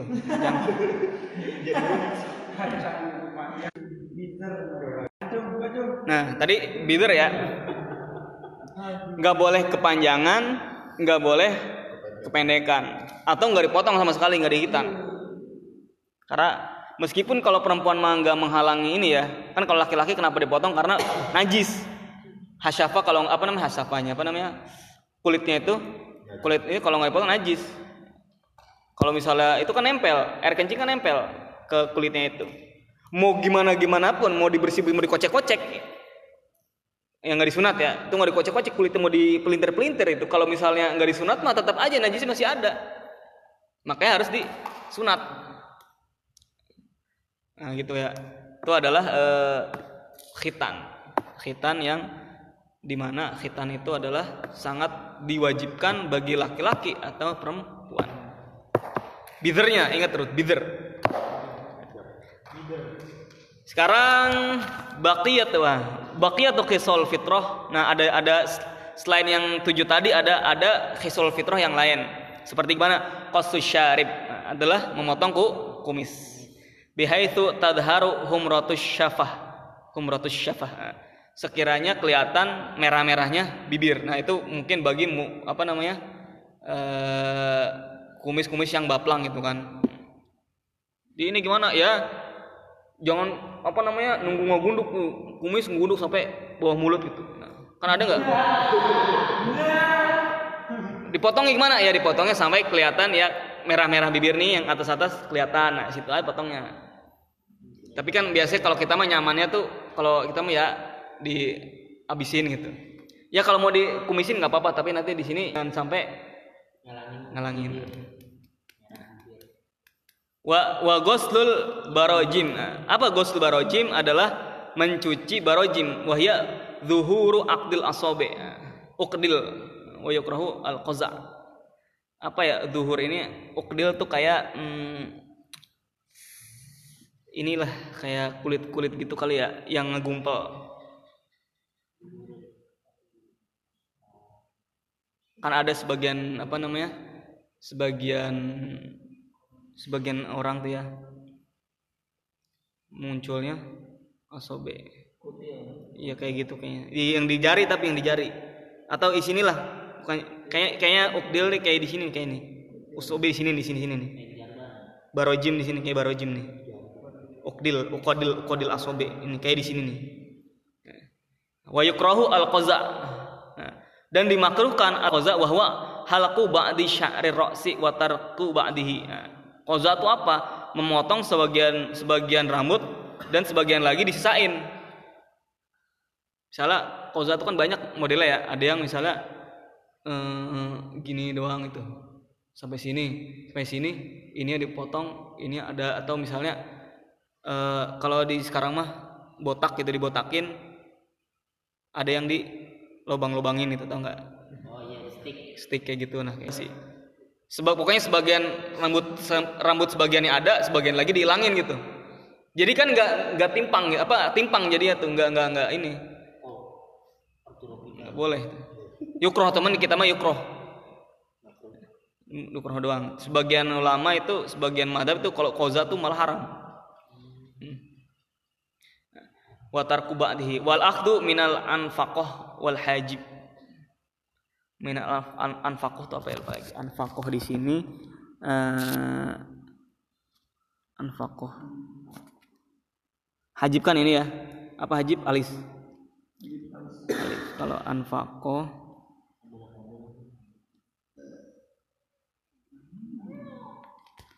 anfaqah itu adalah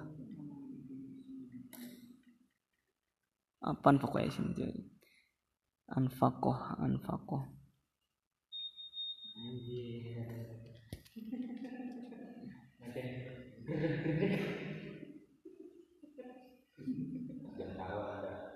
anfakoh kan ya?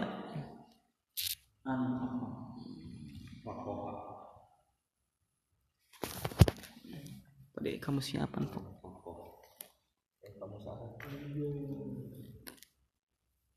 Kemarin tadi belum syu'airatun baina syafah as-sufla. Oh, ini adalah bulu-bulu kecil, bulu-bulu dikit, bulu-bulu tipis baina syafati sufla waduf wadhakan. Ini. Dagu. Ini namanya anfaqoh. Kalau ini kan namanya lehya. Kalau ini syarib. Kalau ini namanya anfaqoh. Ini hajib. Alis hajib. Ini bulu mata huzbun, huzb. Beda-beda. Bulu tuh ada namanya beda-beda. Anfaqoh. Nah, gimana? Wal akhdhu minal anfaqoh wal hajib. Wa khalqu ba'di syarasi wa tarku ba'dihi wal akhdhu minal anfaqoh wal hajib. Pokoknya apa namanya? eh, nggak boleh inilah sama kayak tadi bupak-bupak gitulah anfakonya itu dibikin karena karena kalau kita segini doang kan kadang-kadang kalau orang mah ada yang di sini ada gitu kalau haji kan kalau lihiyah kan di sini biasa mulainya. Lihiyah nah, kalau di atas lihiyah anfakoh namanya di sini nih. Misalnya di sini ya di sini ada rambutnya di sini nggak ada bupak gitu. Itu jangan. Alis di sini apa di sini di ada di sini sopak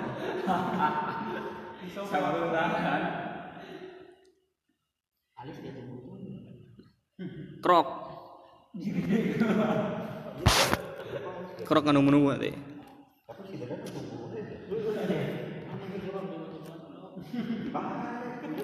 Nah, terus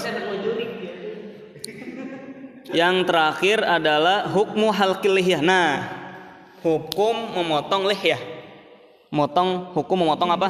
Jenggot. Nassal Imamu Asy-Syafi'i fi kitabihil al-Um ala at, ala at-tahrim. Jadi Imam Syafi'i di dalam kitabnya Al-Um itu motong apa? jenggot itu hukumnya apa? Haram. Tahrim. Wakhtaron Nawawi wa Rafi'i. Ah, sedangkan Imam Nawawi dan Imam Rafi'i itu memilih berpendapat makruh. Berarti ini ulama Syafi'inya ya.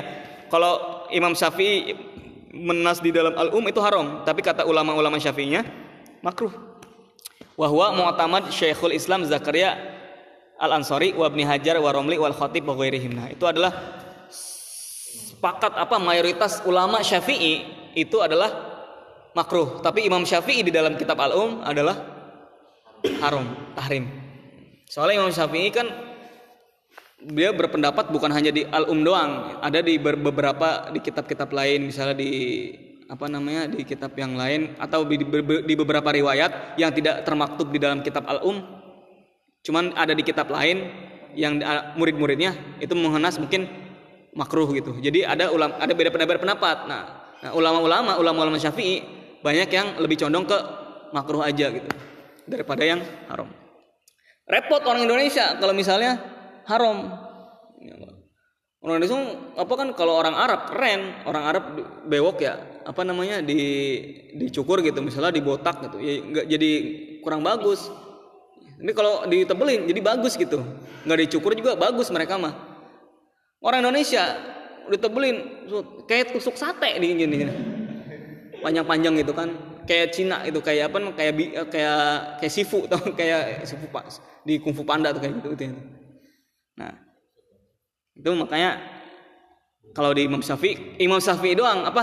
Syafi'i doang yang makro kalau madhab yang lain yang Maliki Hanafi sama yang lain tuh haram. Syafi'i doang yang makruh. Nah, sekarang hukmu khidabis sya'ri ra'si wal lihyati bis sawarang. Hukum memikok dengan warna hitam, memikok warna rambut, jenggot dengan warna hitam. Gimana hukumnya? Yahrumu, yahrumu.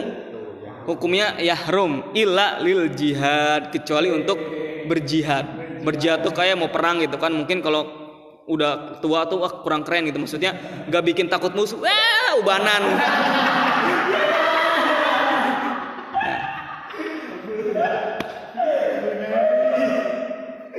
kan ada ada kan orang itu ada yang ubanan itu gara-gara emang dia turunan bule. Eh, siapa tahu Misalnya turunan bule gitu. Jadi apa namanya putihnya itu bukan gitu.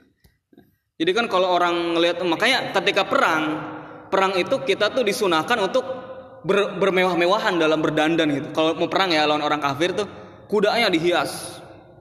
Kasih iya dikasih apa dikasih tali-tali apa dikasih emas apa keren sekeren kerennya lah. Biarin se menunjukkan bahwa ini tuh Islam tuh gagah gitu. Pakaian kita harus keren. Pedangnya pedang ini besi apa ada emas-emasnya kalau bisa mah. Nggak apa-apa itu. Apa namanya? Kalau buat perang kalau buat jihad.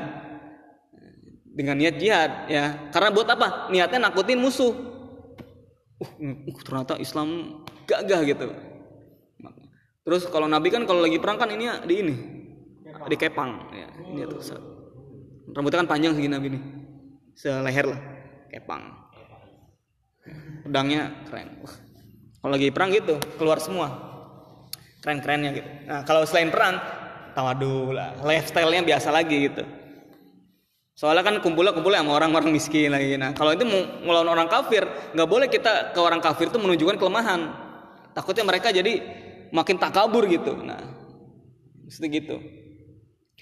Nah, hukum pokoknya sekarang kan dengan ini, oh, menurut laki-laki itu nggak boleh ya ilal jihad. Wal mar'atu biidni zaujiha ingdar romli. Nah, kalau perempuan boleh memikok dengan warna hitam boleh.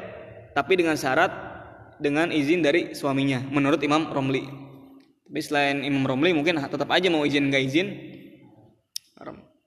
Kalau perempuan jadi mau kalau perempuan mau laki-laki perempuan kalau apa namanya menutupi uban dengan warna hitam tuh ya ya kan khidob kan pikok itu dengan warna hitam kan biar nutupin uban biasanya ya itu nggak boleh kalau warna hitam kalau selain warna hitam kayak misalnya pakai adalah pakai yang uh, kalau kayak Habib Umar kan Habib Umar kan pakai ini apa sih namanya itu Enggak, bukan imam ada di merah-merahin pakai ini tuh. Pikoknya bukan pikok namanya tuh. Hmm, apa namanya sekolah lagi di sini di, di rambut. Namanya apa? Sasha. Mah, iya bukan. Kalau Sasha mah kan ini lah. Ada ini ya tuh. Henna. Henna. Henna. Tuh. Henna ada pakai henna. Ada yang henna yang langsung udah jadi ada juga henna yang kiloan gitu ada. Nah, itu disunahkan pakai itu. Kalau nutupin uban sunahin pakai itu bukan pakai hitam. Kenapa hitam? Karena ikutin Yahudi. Kalau itu kan kita pakai itu. Kalau buat biasa apa? Henna mah ya buat perempuan lah kalau laki-laki mah jangan berhias lah. Kalau apa gini kalau buat gelang-gelang mah ya yang menutup yang menunjukkan kemacoan ya nggak apa-apa. Ini kalau gambar-gambar itu kan ke henna itu kan lebih ke ini ya eh ya. Tukang-tukang salon gitu nah, itu kayak itu. Apalagi pakai kutek di sini dipacarin. Kukunya laki-laki nggak boleh itu karena tanda-tanda akhir zaman tuh gitu laki-laki menyerupai perempuan perempuan menyerupai laki-laki tanda akhir zaman karena orang orang ada lesbian aja sekarang mah terang-terangan, homo terang-terangan gitu. Ya udah dari zaman gini. Dan mereka tuh meminta hak untuk diakui. Hak kebebasan mereka. LGBT. Nah, kama qala saya besok untuk istahabu al iktihal witra giban idahin wa qalam wantif li ibti wa yuqassu syaribu wal anahlik wal khitan wajib libaligin sati sati kamar kamratin kot kamratin kotok wal walisma manithnai wa yukrahul qaza' tanazzuha wal akhdhu min jawanibi anfaqatin wa lihiyatin wa hajibin. Wallahu alam bis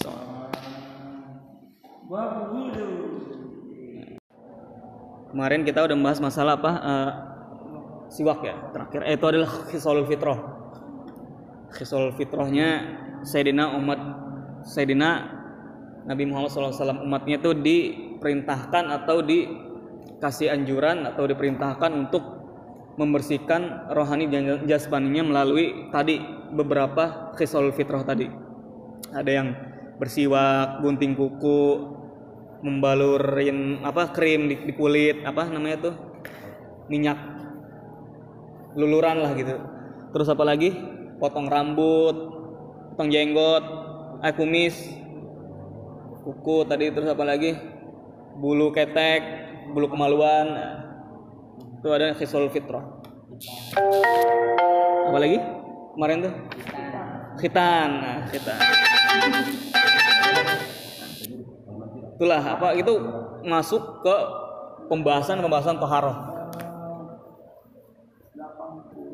Sekarang halaman kita ke halaman 81 adalah pembahasan yang baru. Setelah kita udah membahas apa namanya objek-objek atau wasilatu wasilah-wasilah toharoh dan wasilah toharoh. Sekarang kita ma maksud masuk kepada makosidut toharoh. Jadi objek toharoh. Maksudnya adalah media apa yang bisa membuat kita suci. Kemarin kita udah bahas di antaranya adalah berwudu, mandi, terus izalatun najasa, menghilangkan najis dan juga ah, tayamum. Dan yang kelima adalah azibag, Zibag itu apa? Menyamak.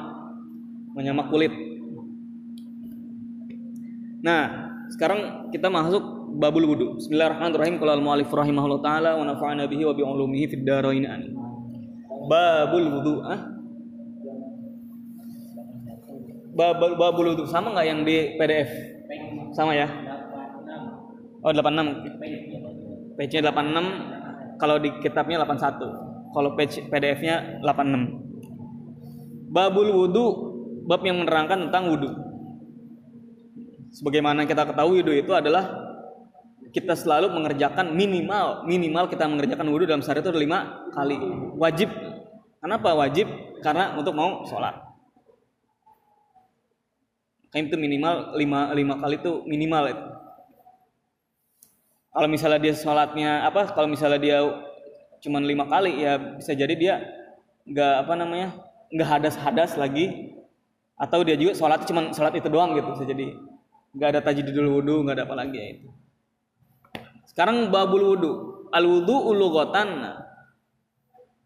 al wudhu wudhu secara bahasa siapa adalah ismun adalah sebutan sebuah nama.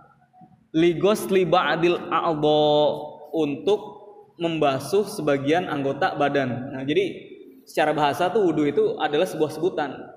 Misalnya lagi nyebor ah, lagi nyebor, nyebor tangan nih pakai aqua set. ih wudhu tuh. Nah itu namanya wudhu secara bahasa. Secara bahasa tuh namanya wudhu wa huwa ma'khudun minal wadha'ah tuh wudhu diambil dari kata wadha'ah dari bahasa Arabnya adalah wadha'ah eh iya ya mas masdarnya wadha'ah apa wadha'ah itu? Wadu'a itu artinya adalah al hasanu wal jamal adalah kebaikan, apa keindahan, kecantikan kalau bahasa Malaysia cantik, cantik. Cantik tuh kalau di kita mah bagus gitu. Cantik kamu, ah, cantik tuh gitu. Kalau di Melayu Malaysia cantik. Itu itu apa namanya secara bahasa wudhu itu adalah tadi apa tadi al husnu wal jamal atau adalah sebutan untuk membasuh anggota badan itu namanya wudhu. Itu dipandang dari segi bahasa. Sekarang dipandang dari segi syariat. Wa syar'an adapun menurut istilah syariat. Tadi yang dipakai apa? Tadi kan sesuai live kita saat ngebahas sedikit itu adalah ada hakikat hakikat logawiyah ada hakikat syariah ada hakikat urfiyah. Ada di dalam balago itu ada hakikat ada ma majaz. Sebelum kita ke majaz itu jadi hakikat itu di antara adalah dibagi tiga kalau kenapa sih kita bahas yang dibahas itu pertama bahasa dulu. Ini eh ada bahasa dulu lugotan. Secara ini lugotan. Lugotan lugotan. Kenapa yang dibahas lugotan? Padahal kita misalnya kalau lagi bahas fikih gitu. Kenapa lugotan dulu kita bahas, nggak langsung syar'an gitu? atau misalnya lagi bahas hadis misalnya. Apa itu mursal? Mursal itu secara bahasa lugotan dulu. Kenapa nggak langsung istilahan aja sih istilahan istilah istilah asal hadis gitu kenapa kita bahasnya lugotan Nah, kenapa karena ini adalah apa namanya eh, adab atau misalnya eh, bahasanya apa ya susunan lah yang rapih atau metode dalam me- menyampaikan sebuah materi dalam sebuah apa namanya dalam sebuah pembahasan baru gitu. Soalnya apa? Semua semua itu segala sesuatu dimulai dari bahasa. Bahasanya apa? Sebelum kita membahas apa namanya suatu objek dalam istilah kita, ya bahas dari istilah aslinya dulu. Dari bahasa aslinya itu artinya apa? Kayak wudhu. Istilah aslinya wu- wudhu tuh wudhu ya kita tahu wudhu apa namanya cemuka, cuci tangan itu wudhu yang itu kan istilah yang kita pa- apa kita pakai dan istilah ahli fuqaha. Cuman istilah bahasanya itu apa? Salat istilah secara, ah, secara bahasa tuh salat apa gitu. Kenapa salat kok disebut salat? Nah, kita lihat secara salat oh secara secara bahasa salat itu adalah adu abil khair gitu. Nah, dalam perjalanannya salat itu dipakai untuk adalah akwalun mu'afalun mustatan nah itu dalam perjalanan apa namanya dalam perjalanan syariat gitu. akhirnya itulah dipatenkan menjadi istilah syariat yaitu adalah sholat itu ya sebagaimana kita lakukan sehari-hari dipatenkan menjadi itu. Istilah yang tadi bahasa doa bil khair istilah itu dipatenkan menjadi istilah syariat yang artinya beda lagi gitu meskipun artinya mirip. Sama seperti gini goit apa arti goit? Goit itu sebenarnya secara lugotan goit itu adalah makan baitul khala. Apa baitul khala? Mirhad hammam WC eh WC apa namanya? Iya. Tempat untuk membuang apa namanya tempat untuk membuang kotoran. Gitu. Kalau bahasa ini itu eh, khiroah. Khiroah namanya bahasa. Khiroah itu artinya kotoran itu khiroah.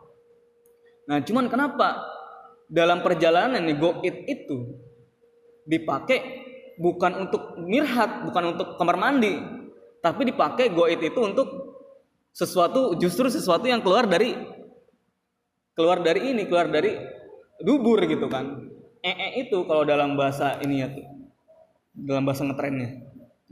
Kenapa sih kok bisa berpindah? Nah, karena secara ini kan apa namanya secara bahasa ketika apa namanya bahasa itu digunakan sebagaimana hakikat logowiyah ternyata ketika dalam pemakaian itu kurang pantas gitu Wih, mau ngapain? Mau ke ini apa? Mau ngapain? Mau ngeluarin khiro apa? Mau ngeluarin ee lah bahasa khiroah bahasa kan gak enak kedengeran ya apa? Terlalu vulgar gitu. Akhirnya apa? Mau ngapain? Apa namanya? Ini mau mau apa namanya? Mau mau mau, mau, goit gitu kan. Nah goit itu artinya apa? Maksudnya apa? Mau be mau mau apa? Mau ke kamar mandi maksudnya. ah, meskipun dalam perjalanan goit itu nanti jadi istilah buat sesuatu yang keluar dari itu. Karena kenapa? Tadinya diperuntukkan untuk biar nggak terlalu vulgar mau apain? Mau buang tai? Kan nggak enak gitu makan. Ya udah mau apa? Mau apa namanya uridu atau uridu ilal goit atau aksidu ilal goit saya menuju ke goit itu. Goit itu maksudnya apa? Ham hammam maksudnya. Baitul khola karena apa karena kalau misal pakai khiroah yang itu artinya adalah kotoran itu terlalu vul vulgar akhirnya dipakai dari khiroah ke goit maksudnya Nah, akhirnya goit dipatenkan untuk sesuatu yang keluar dari itu.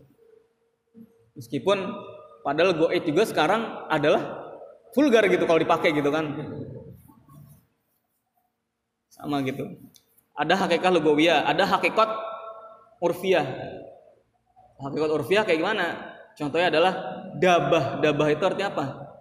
Dabatun adalah dabatan itu secara bahasa adalah lidawatil hawa, li, apa lidatil hawafir atau lidatil arba hewan yang memiliki empat kaki dabah namanya ada di Al-Qur'an wa ma min dabatin illa wa 'ala Allahi illa 'ala Allahi dabah di Al-Qur'an itu artinya apa tidaklah ada binatang yang melatak di muka bumi kecuali Allah telah memberi rizki gitu kan kepada mereka.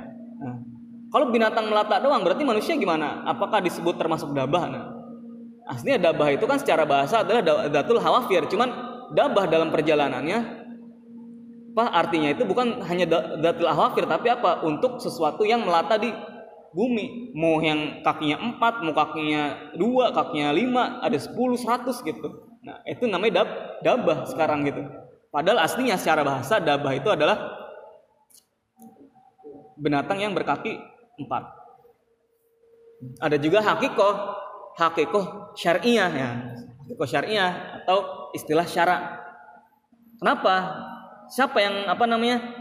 Kena- kenapa disebut istilah syarak karena yang menentukan atau yang me- menetapkan ini adalah ahli-ahli syariat atau apa namanya ya atau ya bisa jadi ulama-ulama yang ulama-ulama yang memiliki memiliki komponen atau memiliki kompetensi untuk menentukan suatu istilah. Salat istilah bahasanya ya doa bil khair atau doa ya tapi secara hakikat syariahnya ya secara hakikat syariahnya secara syariat ya ada salat adalah akwalun wafalun muftatahatun bitakwir wa muhtatamatun bit taslim zakat artinya secara istilah lugaw secara istilah lugaw zakat artinya apa?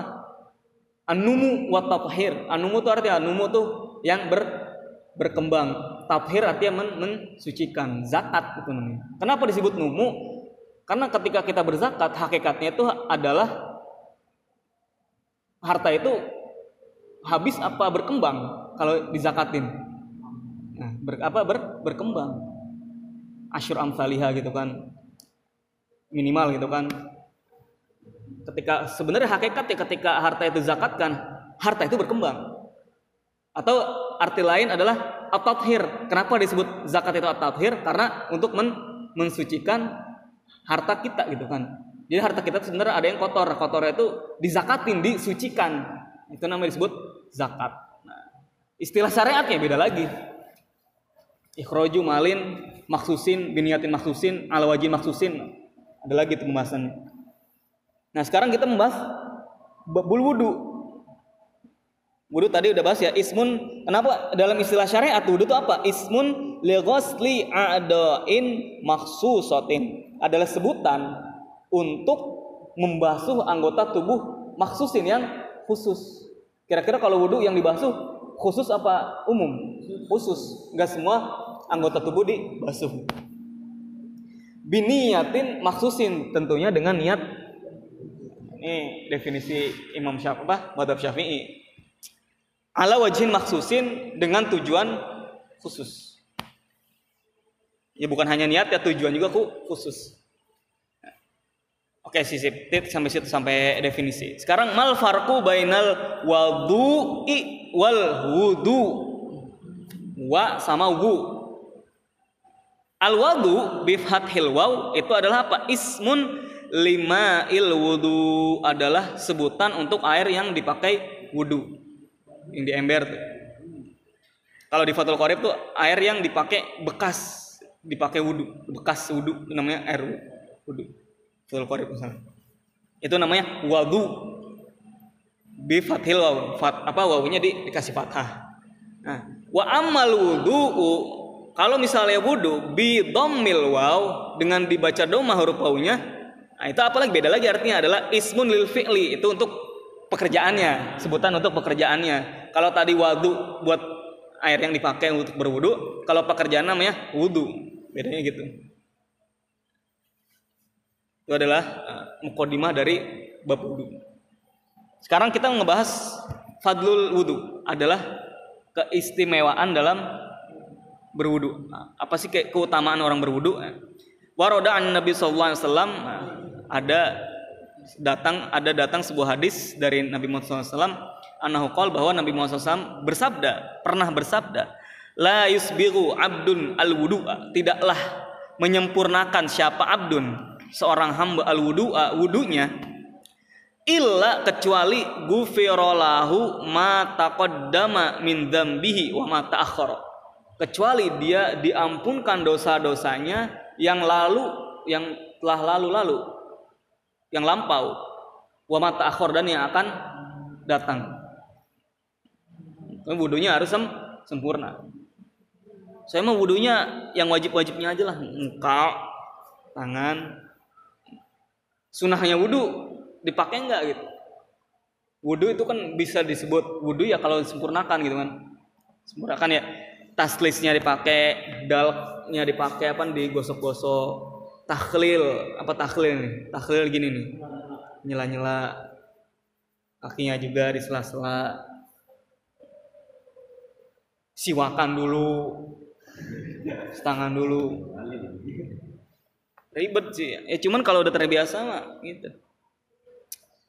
Itu hadis yang pertama keutamaan orang yang berwudu. Waqala aydan adapun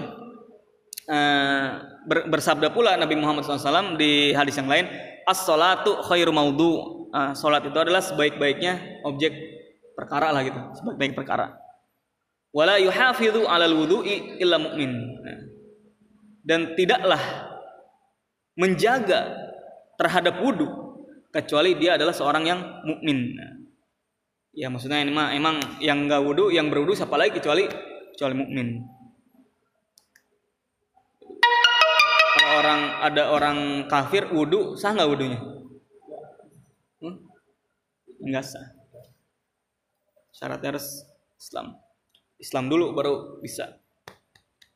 Sama nanti eh, dalam pembahasan lagi bukan hanya wudhu ya puasa itu misalnya. Wudhu puasa lagi lagi lagi Islam tuh. Eh tiba-tiba dia terbesit pengen kafir gitu kan. Sedetik saya mau kafir aja lah. Saya murtad aja lah. Kalau nggak ngomong kayaknya Yesus Kristus tuh Tuhan kayaknya. Nah terbesit kayak gitu yakin cuman sedetik doang itu puasa langsung batal. Wudhunya batal puasa sholat. Habis itu pada sedetik doang tapi setelah detik yang kemudian ah nggak nggak mungkin nggak mungkin batal. Karena di antara di antara syarat sahnya itu adalah Islam. Bil kamil.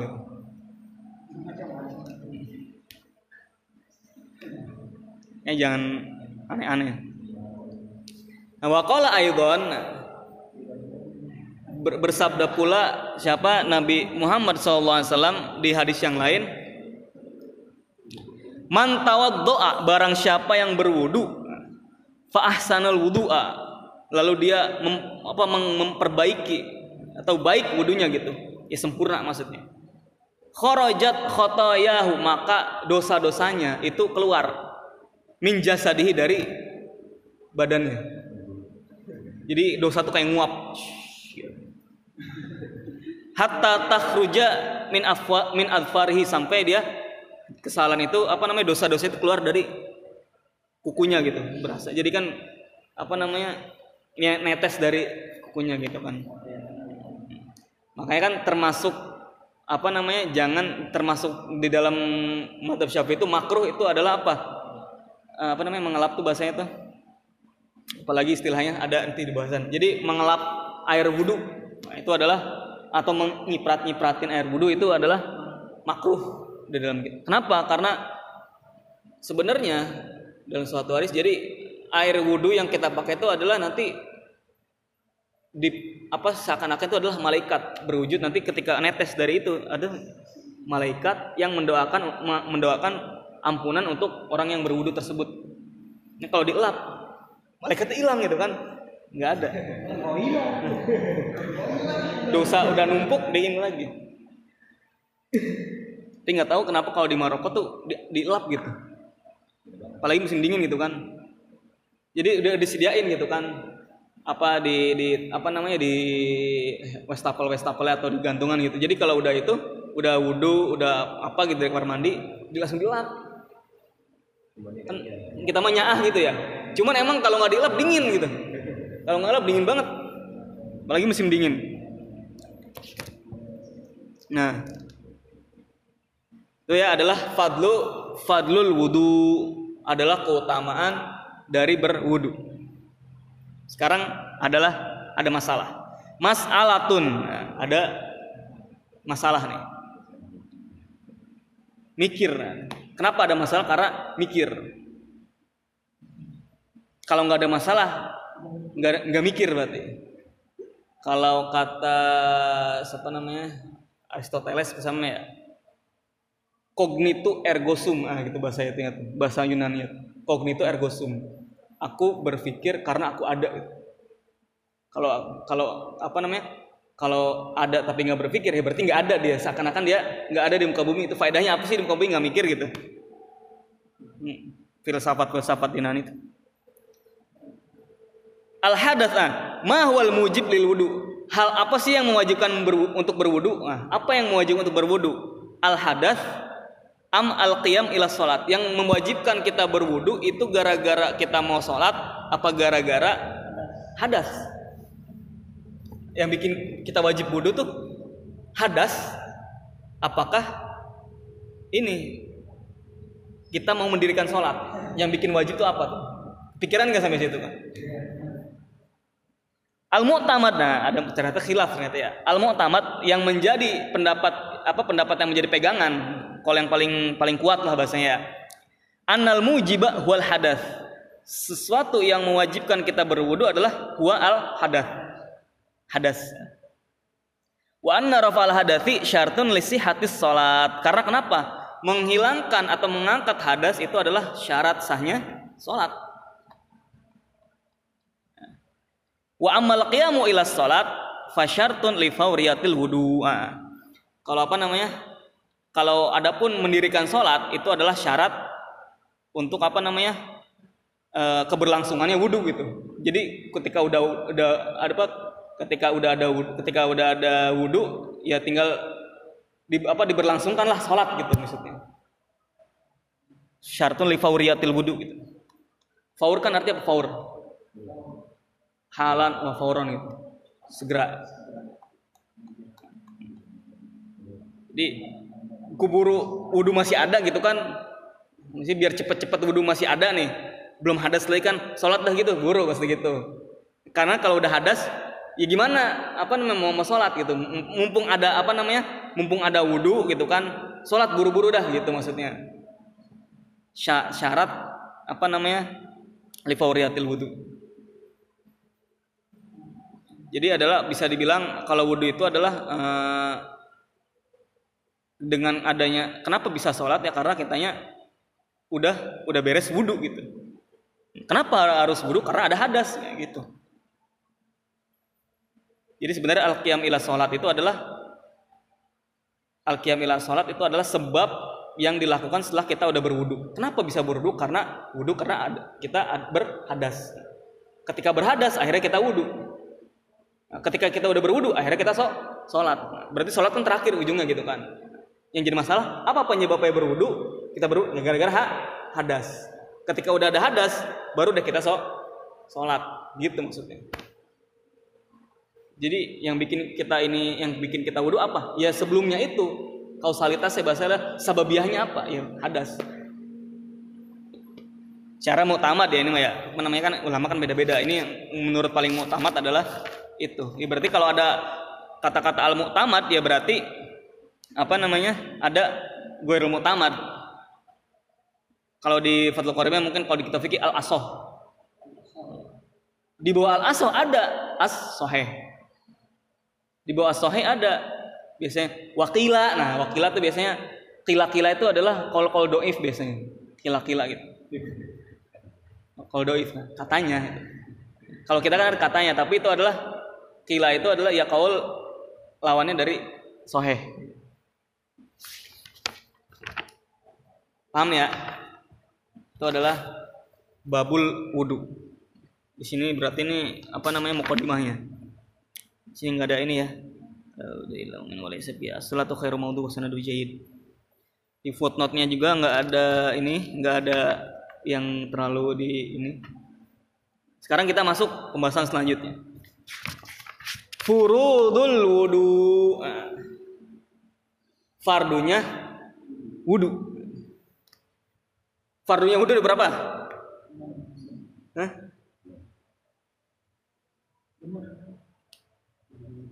Kita madhab syafi'i fardunya berapa? 6 Furudul wudu sitah Fardunya wudu ada 6 Tapi yang dibasuh ada berapa yang wajib? Yang dibasuh ada empat. Apa aja?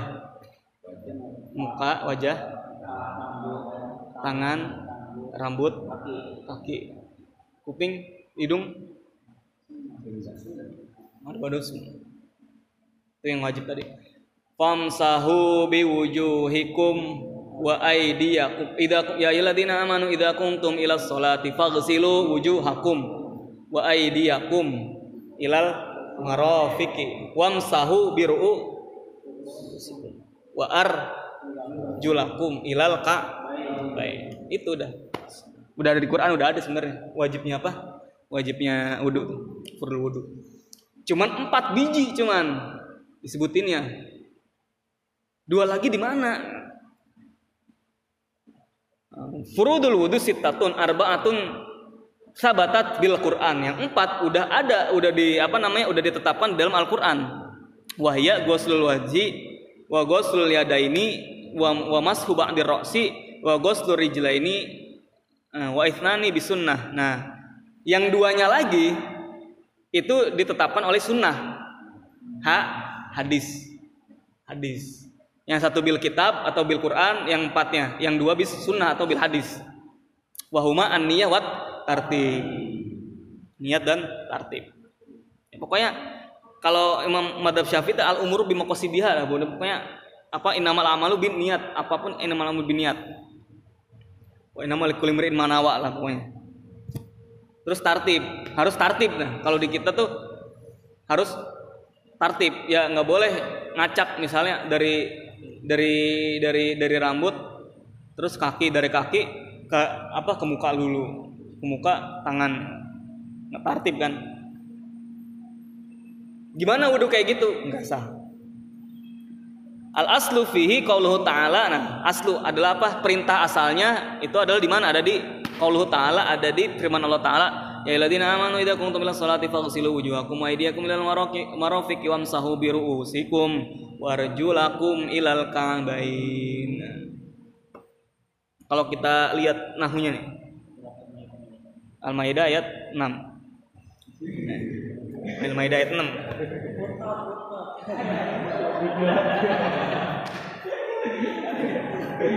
Diingetin. Nah, Coba kalau di apa dilihat-lihat ilal marofiki wamsahu bi bi itu huruf jar ya. Biru usikum. Di sini waar julakum. Kenapa nggak waar julikum gitu? Ilal ka'bain kenapa? Biru usikum enggak biru usikum waar julakum malah atof? Itulah faedahnya. Kenapa kaki itu di kaki di diapain? Di diba dibasuh. Kalau rambut di usap, bukan di basuh. Kalau wudhu, kalau wudhu, kalau wudhu cer gini apa cukup gini? Kalau di kita cukup di usap. Gini doang. Bahkan kalau perempuan di atas kerudung nggak bi bisa. Nggak usah nggak usah buka kerudung gitu. Kerudung di atas bisa. Perempuan tidak pembahasan ini. Makanya wa arjulakum itu adalah atof ke sono fagsilu wujuhakum wa aidiakum wa arjulakum harusnya kan cuman karena posisi apa namanya dalam tartibnya kalau kaki itu di terakhir maka kaki basuhnya kapan di terakhir bukan terakhir kan makanya taruh di terakhir cuman atof secara i'robnya atofnya ke fagsilu fagsilu arjulakum bukan kalau wamsahu nanti wamsahu biru usikum wa arjulikum. Nah, nanti kalau wa arjulikum nanti diusap doang kayak apa namanya? Kayak masul hufen nanti jadi. Atau di kecerit doang itu kan nanti kan nggak kena semua. Maka itu faedah dalam apa namanya? I'rab juga sangat berpengaruh dalam hukum gitu. Banyak kiroannya ada yang bilang arjulikum, ada yang itu ulama-ulama beda pendapat di sini sebenarnya. Cuman kan karena kita ini madhab yang madhab syafi'i, ya pakainya pakai itu arjulakum gitu arjulakum ilal ka'bain arjula arjula itu adalah jama dari rijlun rijlani arjul yadun yadani aidi mirfakun mirfakoni marofik. Roksun, roksani, ruus. Itu adalah secara Al-Qur'annya. Kalau di nadomin gimana? Kama qala sahibus sofatu zubat di dalam zubat ada. Di dalam zubat, di matan zubat ada di nadomin. Apa fardul wudu? Furuduhun niya waksil wajha apa wajhaka wa goslukal yadaini mak mirfaqika wa masuba dirrosi maksil wa um rijlaika ma ka baika wa tartibusum itu apa namanya di zubad Di- bukan nahu apa bukan nahu aja yang ada nadomnya fikih juga ada nadomnya di zubad ibnu ruslan hadis ada alfiyah. Alfiyah itu ilmu apa? Ya ilmu alat mena nahu. Itu alfiyah fil nahu yang ngarang ibnu malik. Ada alfiyah fil hadis. Alfiyah fil ya fil hadis ada alfiyah fil usul ada. Alfiyah di ilmu usul di alfiyahnya ada. Imam Barmawi namanya itu kita apal Imriti aja udah empot-empotan gitu kan Imriti mah nggak sampai 500 500 nyampe nggak? 200 lagi. Ya alhamdulillah yang penting pernah ngapal lah gitu kan. Itu tadi furudhun niyah Fur, furdul wudu ada niyah waksil wajhaka. Apa waksil wajhaka? Basuh muka kamu wa ghuslul yadaini dan basuh kedua tangan. Ma mirfaq min ma mirfaqika ada beserta dengan kedua siku-sikumu. Wa mashiro wa masiba di ra's basuh sebagian buat. Sumaksil wa um rijlaik. Dan basuh seluruh rijlaik. Ma'aka baik. Yang keenam watartibu sum. Sumnya itu terakhir gitu. Waktu summa watartib apa? Summa tartib gitu. Artinya watartibu sum. Atau bisa jadi sumnya ada terusin bawahnya nggak tahu sih. Ya nama itu namanya kofiah. Dalam syair tuh yang kayak gini-gini itu adalah daruratus syair. Jadi walaupun nggak pas secara Eropa tapi kalau dalam syair ya dipas-pasin bisa gitu. Ada kaidahnya gitu. Nama ilmu arud. Kofiah. Jadi kan biar sama semua. Di sana um ya di sini um. Di sana ka wajah ka di sana fakika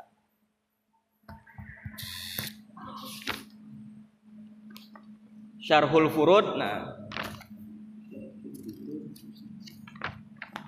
lanjut besok aja ya wallahu alam bis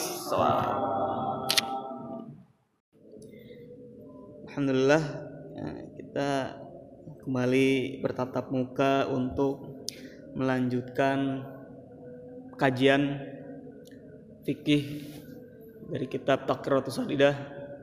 Alhamdulillah kemarin kita udah sampai udah mulai masuk bab wudu. Babul wudu. Kita udah bahas hakikoh apa namanya? eh, definisi wudu secara bahasa, definisi wudu secara istilah syariat dan juga masalah-masalah dalam wudu dan keutamaan keutamaan orang yang berwudu bagaimana. Sekarang kita lan- melanjutkan eh, apa namanya sedikit kemarin udah masuk ke furudul wudu yaitu wajib-wajibnya wudu apa aja yang dibahas apa aja yang dibasuh gitu kan sesuai ayat yang Allah perintahkan dalam surat eh, apa surat Al-Maidah Bismillahirrahmanirrahim ya ayyuhalladzina amanu idza kuntum idza qumtum ila sholati faghsilu wujuhakum wa aydiyakum ilal marafiqi wamsahu bi ru'usikum wa arjulakum ilal ka'bain. Itu adalah eh, ini ayat kewajiban dari ayat wajibnya berwudu. Sekarang kita bedah satu-satu. Apa wajibnya wudu ada berapa kemarin? Ada enam. Empat itu ditetapkan oleh Al-Quran, yang dua ditetapkan oleh Sunnah. Yang empat tadi membasuh muka, tangan sampai siku-siku dan rambut dan kaki sampai kepa- sampai mata kaki, dan yang dua itu adalah niat dan eh, tartib. Yang pertama adalah Qala al-muallifu rahimahullah taala wa nafa'ana bihi wa bi ulumihi fid dharain amin. Al-awwalu an-niyyah. Yang pertama adalah an-niat. Apa niat itu? Di situ niat itu adalah hakikatuha eh, apa namanya definisinya adalah qasdu syai'i muqtarinan bi fi'lihi apa yang sebagaimana kita udah tahu adalah qasdu syai'i bermaksud atau menyengaja melakukan apa menyengaja atau bermaksud terhadap sesuatu muktarinan berbarengan bifilih dengan perbuatannya.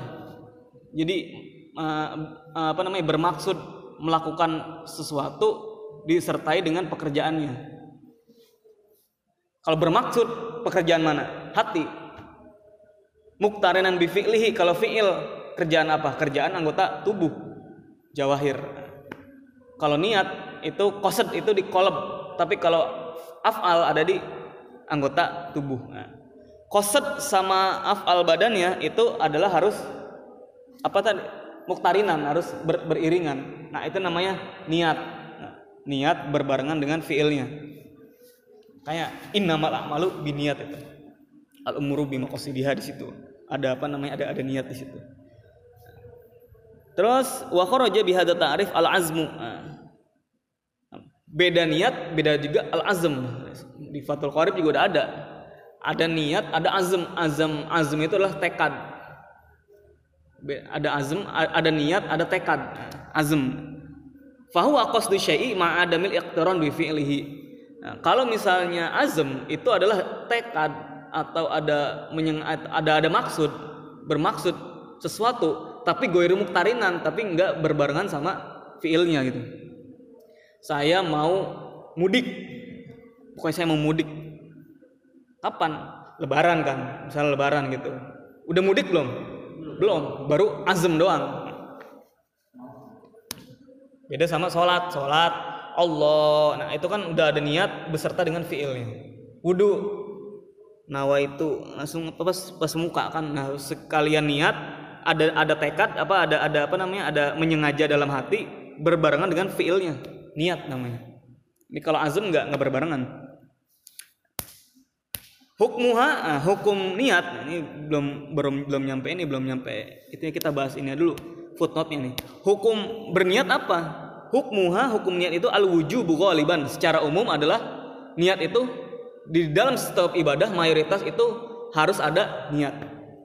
Artinya apa?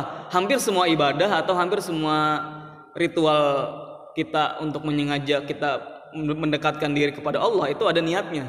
Ada beberapa doang yang nggak nggak pakai niat. Kayak gimana misalnya izalatun najasah. Kalau mau kencing cebok pakai niat gak? Cebok ini saya mau menghilangkan ee yang ada di pantat misalnya. Niat nggak kira? Pernah niat gitu nggak? Nah, izalatun najasah itu sebenarnya ini bukan apa namanya? Buat membersihkan hadas kan, membersihkan najis kan di situ adalah ada sisi toharohnya. Tapi di situ nggak ada niat kalau di madhab syafi'i. Ada juga di sini apa? Wa kharaja eh, apa kharaja bihi guslul mayyit. Nah, keluar dari apa namanya dari kategori wajib kan niat kan hukumnya wajib. Nah, keluar dari kata wajib dari kategori wajib ini apa? Guslul mayit memandikan mayit. Nah, faniyatuhu mandubah. Nah, maka niatnya hukumnya mandu. Wajib nggak kalau mandiin mayit? Mayitnya niat nggak? Nggak. Sekarang yang mau mandi kan mayit gitu kan. Kita memandiin doang misalnya gitu kan. Nah, terus gimana?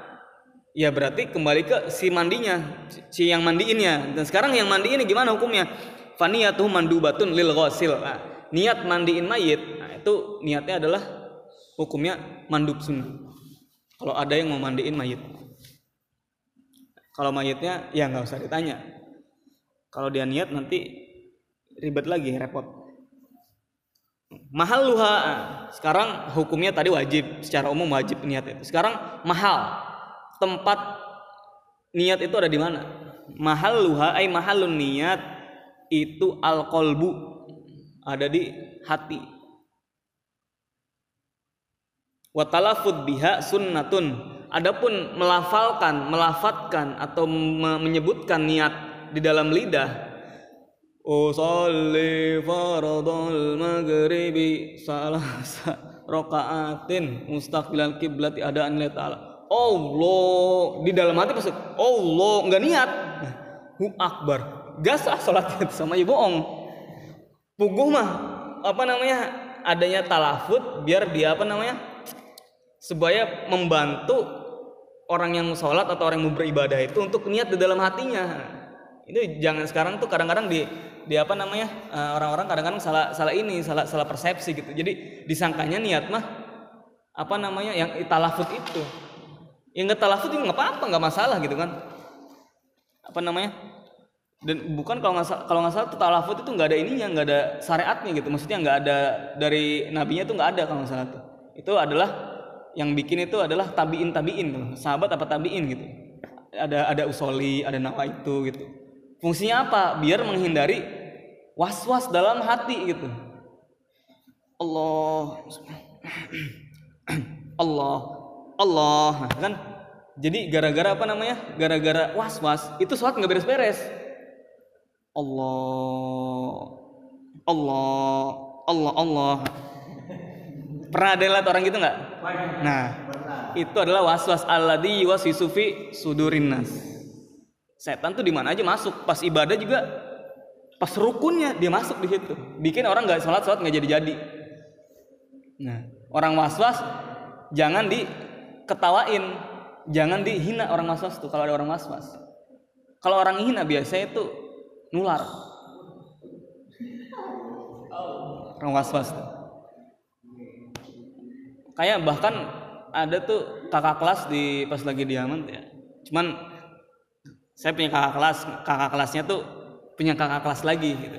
Jadi kakak kelasnya dia gitu. Jadi was-wasnya itu parah gitu. Jadi kalau setiap apa nggak wudhu padahal mah. Lagi ini dia tuh pengennya tuh wudhu terus. Kenapa? Soalnya kalau pas lagi diem tiba-tiba tuh kayaknya perasaan tuh sini ada darah gitu. Kan darah najis ya? Dia harus basuh lagi. Jadi sholat tuh kayak beres beres di kamar mandi wudhu sampai setengah jam. Saya juga pernah ada sih temen mah gitu. Teman teman tuh punya Gus dia dia. Orang Jawa Barat sih aslinya itu. Cuman dia mondok ke Jawa Tengah. Itu orang pinter gitu kan si Gus nih. Pinter ya otaknya jenius lah. Cuman sayangnya dia ada penyakit waswas gitu. Jadi di kamar mandi itu orang apa wudhu doang wudhu gitu kan. Lama lu 15 menit kayak paling cepat gitu 15 menit wudhu doang. Kayak gitu makanya orang waswas tuh. Makanya kalau orang waswas kadang-kadang dia nggak nggak nggak boleh jadi apa sholatnya juga itu. Jangan ja- nggak kalau bareng sama orang tuh susah. Dia sholatnya harus sendiri gitu. Kalau orang waswas di antara obat obatnya orang waswas itu apa? Dipaksa gitu. Imam sana kata kata orang was orang waswas ada tuh. Kakak kelas pas kakak kelas 2 tahun lah. Nah, ini ada temannya kebetulan temannya tuh dia ngerti kalau orang waswas tuh harus digetak gitu. Wih beli bisa. Kita mau jadi orang orang ini orang mana? Orang orang Jawa gitu. Beli bisa beli bisa. Orang kita mah itu apa was was gitu. Kalau nggak ditonjok ini. Is, is. sholat kan Allah Allah. Wih tonjok. Allah. Gitu langsung beres gitu. Tapi nggak nggak jadi lagi. Soalnya kalau orang adanya ada apa namanya adanya waswas itu karena gara-gara mungkin ya kita ya madhab syafi'i itu banyak yang ada di waswas di antara di madhab syafi'i. Soalnya apa? Dia di niat itu. Soalnya banyak setan tuh masuk ke situ ke hati gitu kan. Jadi mengobrak abrik gitu pertahanan hati itu di itu setan kerjaannya tuh. Kayak ada doanya juga ada doa yang lain masuk tuh dari apa dari Habib Salim Syatiri. Kalau habis sholat kalau mau hadiran dari was-was baca sambil megang hati ya ya latif ya latif ya latif ya latif. Eh ya latif tujuh kali. Insya'a yudhibkum wa ya'ti bi khalqin jadid wa madzalika 'ala Allah bi aziz. Paham nggak? Ingat, ingat nggak? Jadi ya ya latif ya latif ya latif tujuh kali. Ini insya'a yudhibkum. Yud an insya'a yudhibhum wa ya'ti bi khalqin jadid wa madzalika 'ala Allah bi aziz setiap sholat kalau mau terhindar dari waswas gitu. Yang punya waswas. Makanya kalau habis kalau mau sholat biasanya suka ada billahi eh, orang baca surat Anas dulu kan kalau ada berminas malik nasilai billahi anta maksudi waridu kamatubi jadi biar apa namanya di ini terus ada talafut niat ya biar itu biar terhindar dari waswas tadi. Allah apa sholat apa tadi ya Allah Allah. Duhur. Eh taunya padahal sholat maghrib Allah jadi gitu. Ada orang kayak gitu ya ya, saya, saya sering kayak gitu gitu.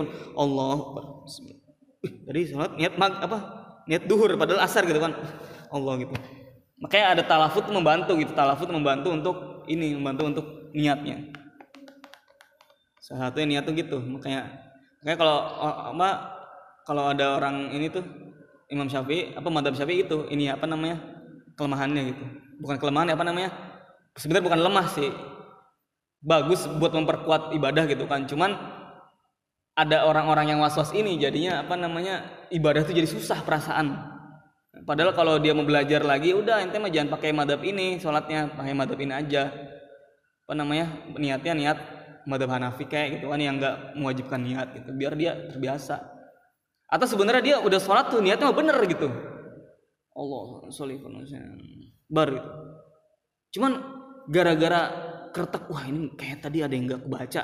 Itu yang apa yang yang bikin kegerundelan dalam hati yang bikin apa namanya yang bikin was-was tuh menyebar gitu apa namanya bikin tambah akut gitu. Ibarat penyakit mah tambah gede penyakitnya gitu. Yang bikin bikin penyakit was-was tambah gede dia dia sendiri gitu sebenarnya. Makanya kalau udah Allah Akbar. Tadi ah udah enggak bener sah. Nah gitu harus dipaksain. Setan tuh jadi bosan jadinya. Hmm, ah gagal wae eh satu setan itu cari yang lain gitu. Sholat pas rokaat terakhir pas rokaat ketiga atau rokat keempat. Ini tadi rokat ketiga atau rokat keempat ini? Was was nih. Kan bingung kan pas sholat ini biasa sholat empat rokat ini kalau sholat maghrib ini rokat ketiga atau rokat kedua nih? Bingung nih was was di situ sebenarnya. Ya udah akhirnya ulama udah kalau syak di situ ya udah yakin oleh zalu bisyak langsung lah. Ambil ambil yakin aja udah. Kalau sholatnya empat rokat ya udah berarti nanti masih tiga itu yang tiga kan pasti yakin kan. Kalau yang keempat bisa jadi belum bisa jadi udah syak tapi yang yakin pasti di tiga. Ya udah nanti sekarang di tiga nih. Tinggal tambahin tambah satu gitu.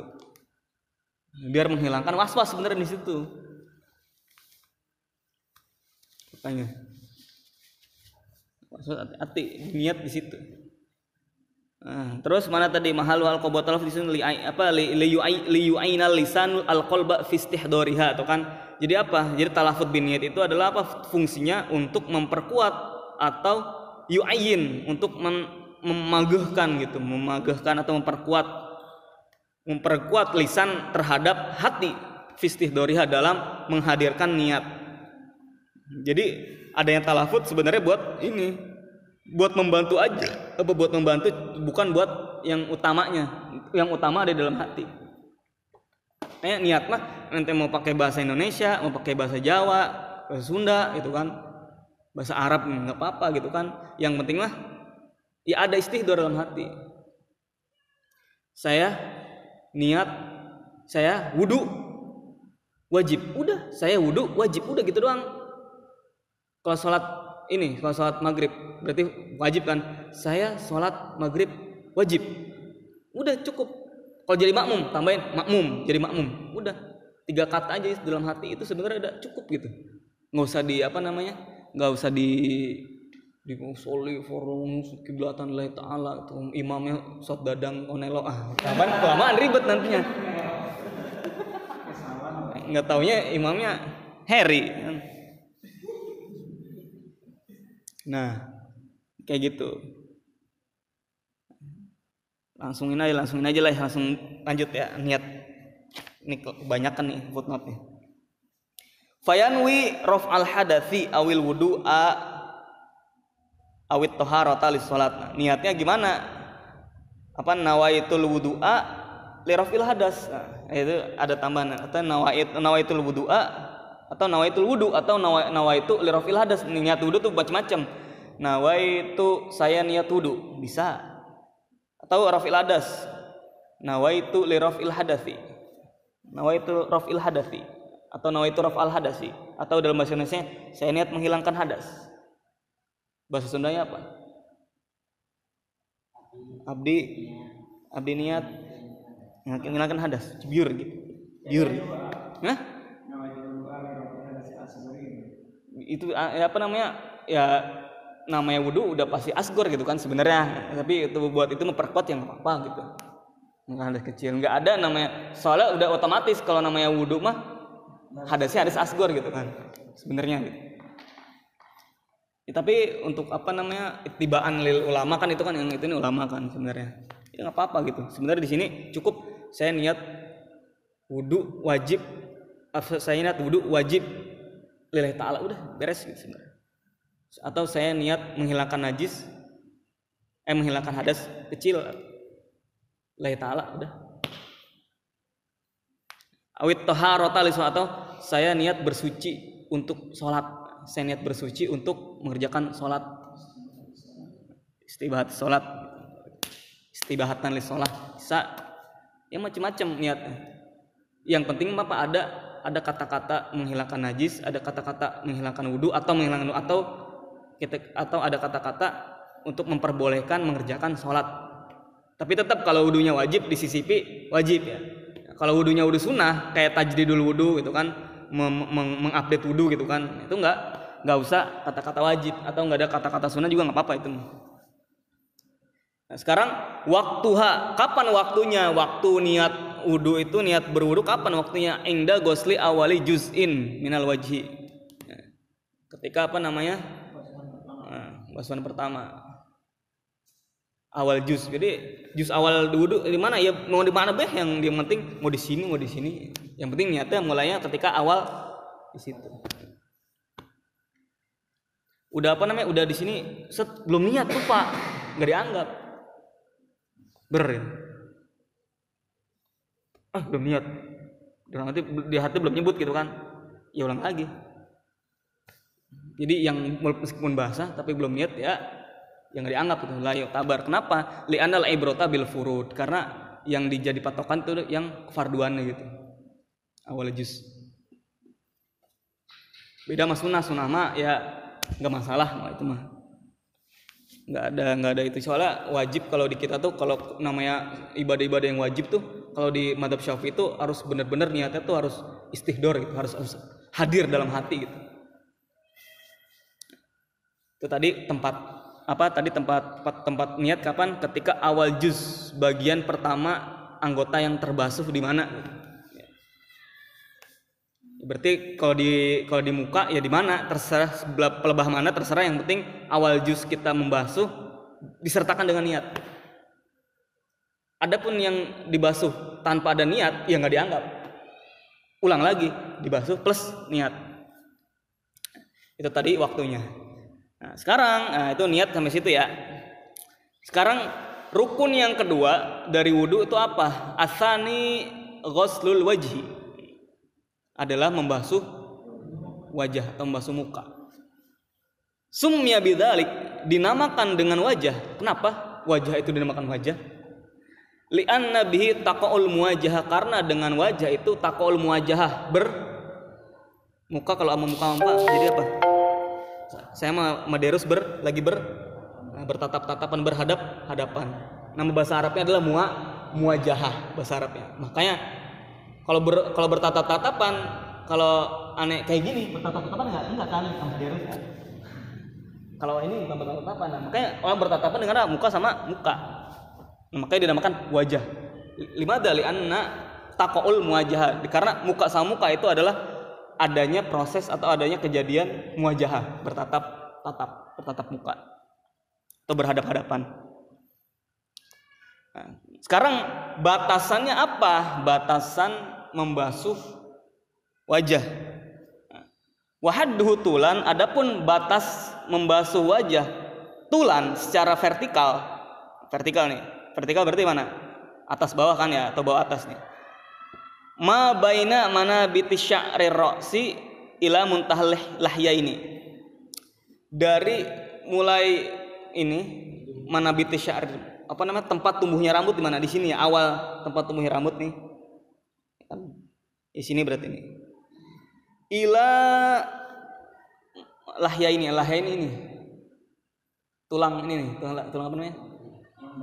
Tulang dagu lah lahya kalau dagu kan nih kan lahya ini ini sebenarnya lah kan dua yai lah yai ini.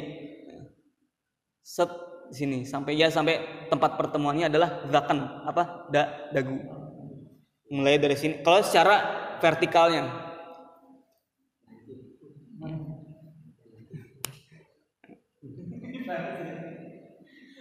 Mau yang dagunya normal dagunya rada ke belakang atau nyameh gitu ya nggak apa-apa itu mah. Yang penting adalah ialah ya ini itu kalau misalnya secara vertikal. Wahadduhu ah, ardon. Ah, adapun batasan membasuh muka ardon secara horizontal itu dari mana mulanya? Ma bainal udhuna ini adalah di antara dua telinga. Di sini nih mulai. Anak telinga di sini kan?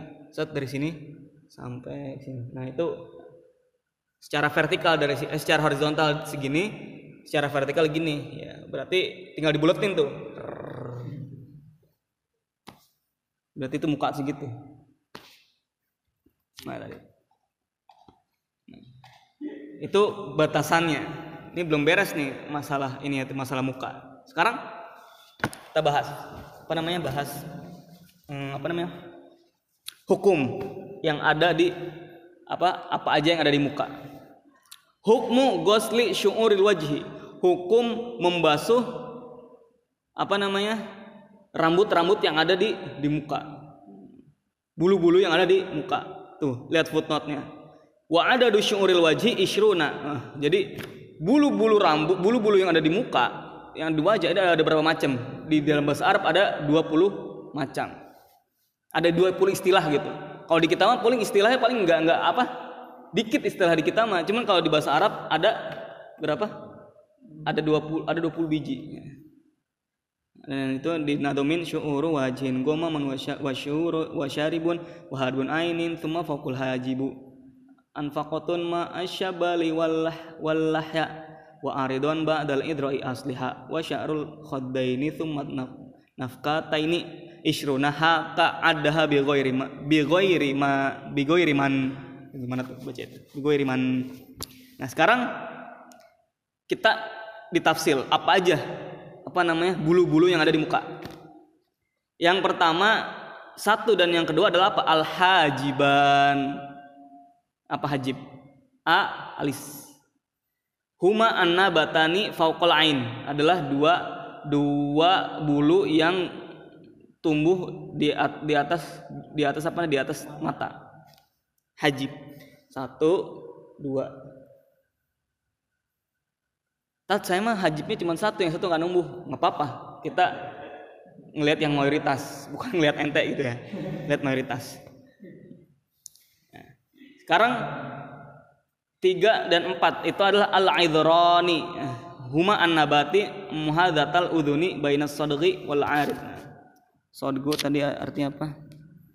Sodgo itu ada pelipis, pelipis di mana? Pelipis ini ya. Nah, adalah rambut yang tumbuh yang sejajar dari udun kuping ya. Dari kuping terus muhadatul udun ya. Apa namanya setara dengan ini sejajar dengan kuping. Yang ada anil uduni ila dhakan yang apa tadi? Eh yang udun dhakan Apa tadi? Baina sadaqi wal arid. Yang ada di pelipis dan jabang cabang. Berarti di sini nih sini ya? Nah kalau ada bulu di sini sini nih kayak di sini nih. nah bulu. Nah ada di sini ya. Nah itu namanya idron. Kalau di sini ada satu atau ada dua namanya idron. Hmm. Nah, kalau kita mah jarang buluan mukanya tuh. Dikit gitu mah. Nah, terus nomor ada lagi. Empat apa tadi? Eh, tiga empat ya. Sudah tiga empat lima sampai delapan. Oh dari lima sampai delapan. Kenapa ada empat macam soalnya? Itu ada al ahdabul arbaah alis yang ada empat. Apa? Kelop bulu mata yang ada empat. Huma al apa tadi? Annabatah ala jufunil ain adalah yang tumbuh di kelopak mata. Satu tiga tadi satu dua tiga empat lima enam tujuh delapan. Bulu mata. Sekarang 9 10 al aridon nah itu al aridon ini nih al munakhafida al munakhafidon anil uduni ila dhaqn adalah yang yang numbuh dari apa tadi? Di bawah ini kuping sampai ini dhaqn dagu. Ya, janggut. Ya ini namanya ini. Di sini ya di sini ya di sini. Nanti di sini beda lagi soalnya. Di sini nih.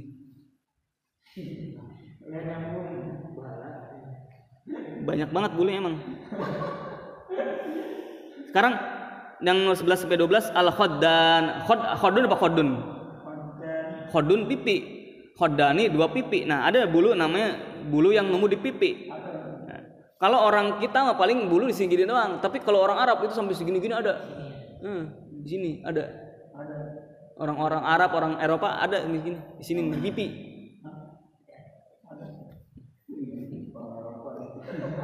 kalau orang Indonesia ada bulu tumbuh di pipi aneh gitu kan ah penyakit kayak gitu bulu jadi Enggak maksudnya kalau tumbuhnya cuma dikit kalau bulunya banyak gitu kan kayak ridorma gitu misalnya gitu kan setagam gitu kan setagam kan agak ini Nah, terus tadi ada juga al khoddan, ada asyarib. Nah, asyarib apa? Adalah an-nabat ala syafah al ulia. Kumis. Syarib. Yang tumbuh di atas bibir atas. Nah, syarib namanya. Ada juga as-sibalan. Nah, as-sibalan apa? Wahuma torfas syarib adalah dua ujung kumis. Nah, ini kumis sini. Nah, kalau ada ujungnya, ya. Itu namanya asibalan namanya. Asibal namanya. Ka- Kalau ada dua berarti asibalani. Kalau asibalun namanya asi, apa? Sibalun satu. Kalau asibalani dua dua dua kumis, dua apa ujung kumis dua. Nah, sekarang nah, itu tadi 14 15 ya. Sekarang yang ke-16 adalah al-anfaqah ya. Anfaqah nih, anfaqah. Anfaqah bahwa an-nabat ala syafa as-sufla. Anfaqah ini. Sekarang 17 18 an-nafqatan wa huma an-nabatani ala syafa sufla haulal anfaqah. Nah, ini anfaqah di sini. Kalau ada tumbuh lagi di sini namanya nah, kalau kayak Habib Hasan bin Ja'far Segap tuh yang punya Nurul Mustafa kan cakep tuh. Ini ya tuh apa namanya? Ini ya. Nah, ini di sini nih. Kalau ada tumbuh di sini, itu namanya apa? Al anafkatan. Nah, kalau anfaqah di sini, anafkatan di sini. alih ya alih ya apa gua anabat ala dakan alih ya lah ya. Nah. sini nih. Sampai sini sini nih. Lah ya kadang-kadang. Pernah lihat gak kalau orang Arab tuh ke sini bulunya tuh ke leher?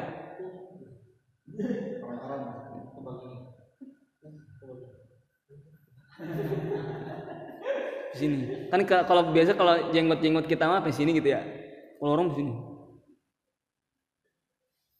yang terakhir adalah al-ghamam apa al-ghamam wa an an-nabit ala ala yang numbuh di jidat. Kalau di jidatnya ada rambut namanya al-ghamam sini. Tuh 20 ya. 20 macam rambut muka. Apa namanya? Bulu yang ada di muka. Sekarang gimana hukumnya? Yajibu gosluha kulluha. Semuanya wajib mau nggak mau kudu dibasuh. Mana tadi? Wajib membasuh semuanya. Zahiruha wa batinuha. Baik yang dohirnya atau yang batinnya, dalamnya. Kalau soalnya kalau kalau kita mah nggak bayang ya, kalau orang ini, kalau orang yang jenggot tebel di sini sini nih, sampai kadang- kadang-kadang sampai ini kan jenggotnya tuh sampai bawah gitu kan. Nah dia membasuh gimana ya? Membasuh semuanya sama di ini di sela-sela tahlil namanya tahlil leh ya. Kayak tahlil lehnya buat orang yang jenggotnya ini jenggotnya agak tebal tuh ini agak su- sunat wajib ya? Sunnah. Kalau yang tipis wajib. Jenggotnya kayak dadang tuh masih wajib tuh. Agam wajib. Nah kalau yang jenggotnya tebal tuh kayak kayak ini tuh kayak siapa ya seh-seh yang dari itulah. Itu sunnah kalau mereka. Sekarang apa? Eh fayajib ghuslu dhahir wa istathna min dalika al dalika alhiya wal aridun idza kanat kathifaina dan dikecualikan kan tadi kan wajib membasuh dohir baik yang kelihatan atau batin yang yang bagian dalamnya. Wa istasna tapi dikecualikan min dzalika al lahya atau lihyah wal aridun idza kana kathifain kalau misalnya jenggot sama jabangnya itu tebal menggunduk gitu kan tadi kayak apa namanya orang-orang yang jemaat tabligh gitu kan biasanya tuh tebel-tebel tuh Fajibu goslu dohiruhuma duna batinuma maka wajib yang dohirnya doang. Dohir wajib, tapi yang batinnya sampai ke dalam-dalam kan susah tuh ya. Itu sunnah. Yang yang atasnya wajib, tapi kalau yang dalam nggak wajib, tapi disunahkan taklil. Kalau yang rambutnya apa tebel, tapi kalau yang ini, kalau yang tipis masih wajib dohir dan batin. Nah, takhliluhuma min asfali biyadihil. Dan disunahkan bagi yang jenggot ama ininya tebel sama jabangnya tebel dia disunahkan apa tahlil menyela-nyela tahliluhuma min asfali min asfali biadihi dari bagian bawah set. biadihi dengan tangan yang kanan sekarang kita mau tahu bagaimana perbedaan yang tebel sama yang tipis do bitul lihyati al kasifati wal khafifah jadi bagaimana barometer atau uh, standarisasi jenggot sama uh, apa tadi jabang yang tebel atau yang tipis itu gimana? Al kathifatu hiya alati laturo basyaratuha min majlis takhotub. Al kathifah adapun jenggot atau jabang yang tebel itu adalah apa? Alati laturo yang tidak kelihatan. Basyaratuha kulitnya, kulit kulit bulunya gitu. Misalnya jenggot, masih kelihatan bulunya masih kelihatan kulitnya itu dari ketika maju apa uh, min majelis takhotub majelis toko apa ketika berhadap-hadapan di uh, takhotub itu kan apa namanya saling ber, berbincang itu kira-kira kira-kira apa namanya lagi berbincang itu oh kelihatan si dadang masih kelihatan bulunya bulu ini. Nah berarti dia apa namanya khofifah. Masih tipis. Itu kalau nggak kelihatan mana kelihatan? Jadi di apa disempilin kacang set nyangkut. Nah, nah itu berarti kasifah gitu. Karena emang apa namanya ma yusawi mitron waniswan takrim. Jadi majelis takotub itu apa? Kira-kira apa namanya antara satu meter sampai apa mitron wanisfan atau satu meter satu setengah meter. Jadi 150 meter lah. Jadi kalau di sini kejauhan. Ya di sinilah di sini nih. Atau di apa namanya di garis X ini nih atau di garis itu tuh musaterus. Nah, itu kalau misalnya kelihatan bulunya masih kulitnya masih kelihatan dekat khafifah kalau nggak kelihatan kasifah berarti. Wal khafifah aksu dalik. Adapun yang tipis adalah sebaliknya tadi kan kalau yang khafifah berarti yang tipis kalau kasifah itu tebal. Sekarang do bitu zahir minal ma yalil wajha ma yaliya al wajha. Wa ma siwahu al batin. Dua pendek. Wa ya sadra wa bainun tabaqat sya'rul liha wal aridain Dobitu dohir, adapun bedanya dohir sama batin apa? Adalah ma yaliyal wajha. Adalah yang apa ya yaliyah tuh apa namanya? Eh, yang kira-kira disebut muka gitu. Maksudnya apa namanya? Yang kelihatan di pas menghadap muka gitu itu namanya dohir kalau yang batin ya berarti selain yang kelihatan dari muka ya misalnya yang kan kalau di dalam ini kan misalnya di jenggotnya ada kutu nah kutunya itu kan bagian dalam biasanya kan nah itu kan nggak pas pas berhadapan-hadapan nggak nampaknya nah itu namanya do batin berarti kalau yang kelihatan pas muka nah itu namanya dohir plus soalnya kan udah pasti namanya dohir mah kena pas wudhu itu. Nah kalau yang dalam-dalam batinnya yang misalnya ada nyempilin apa gitu kan jepitan, nyempilin duit apa nyempilin apa gitu. Nah, itu, itu namanya batin. Ini berapa dah? Lanjut gimana? Hah? Selembar lagi ya? Mau lanjut apa ini? Saya dulu. Ya biar ini, biar nggak nggak nggak usah apa namanya, nggak usah diporsir. Yang penting dikit-dikit ilmunya dapat. Allah alam bis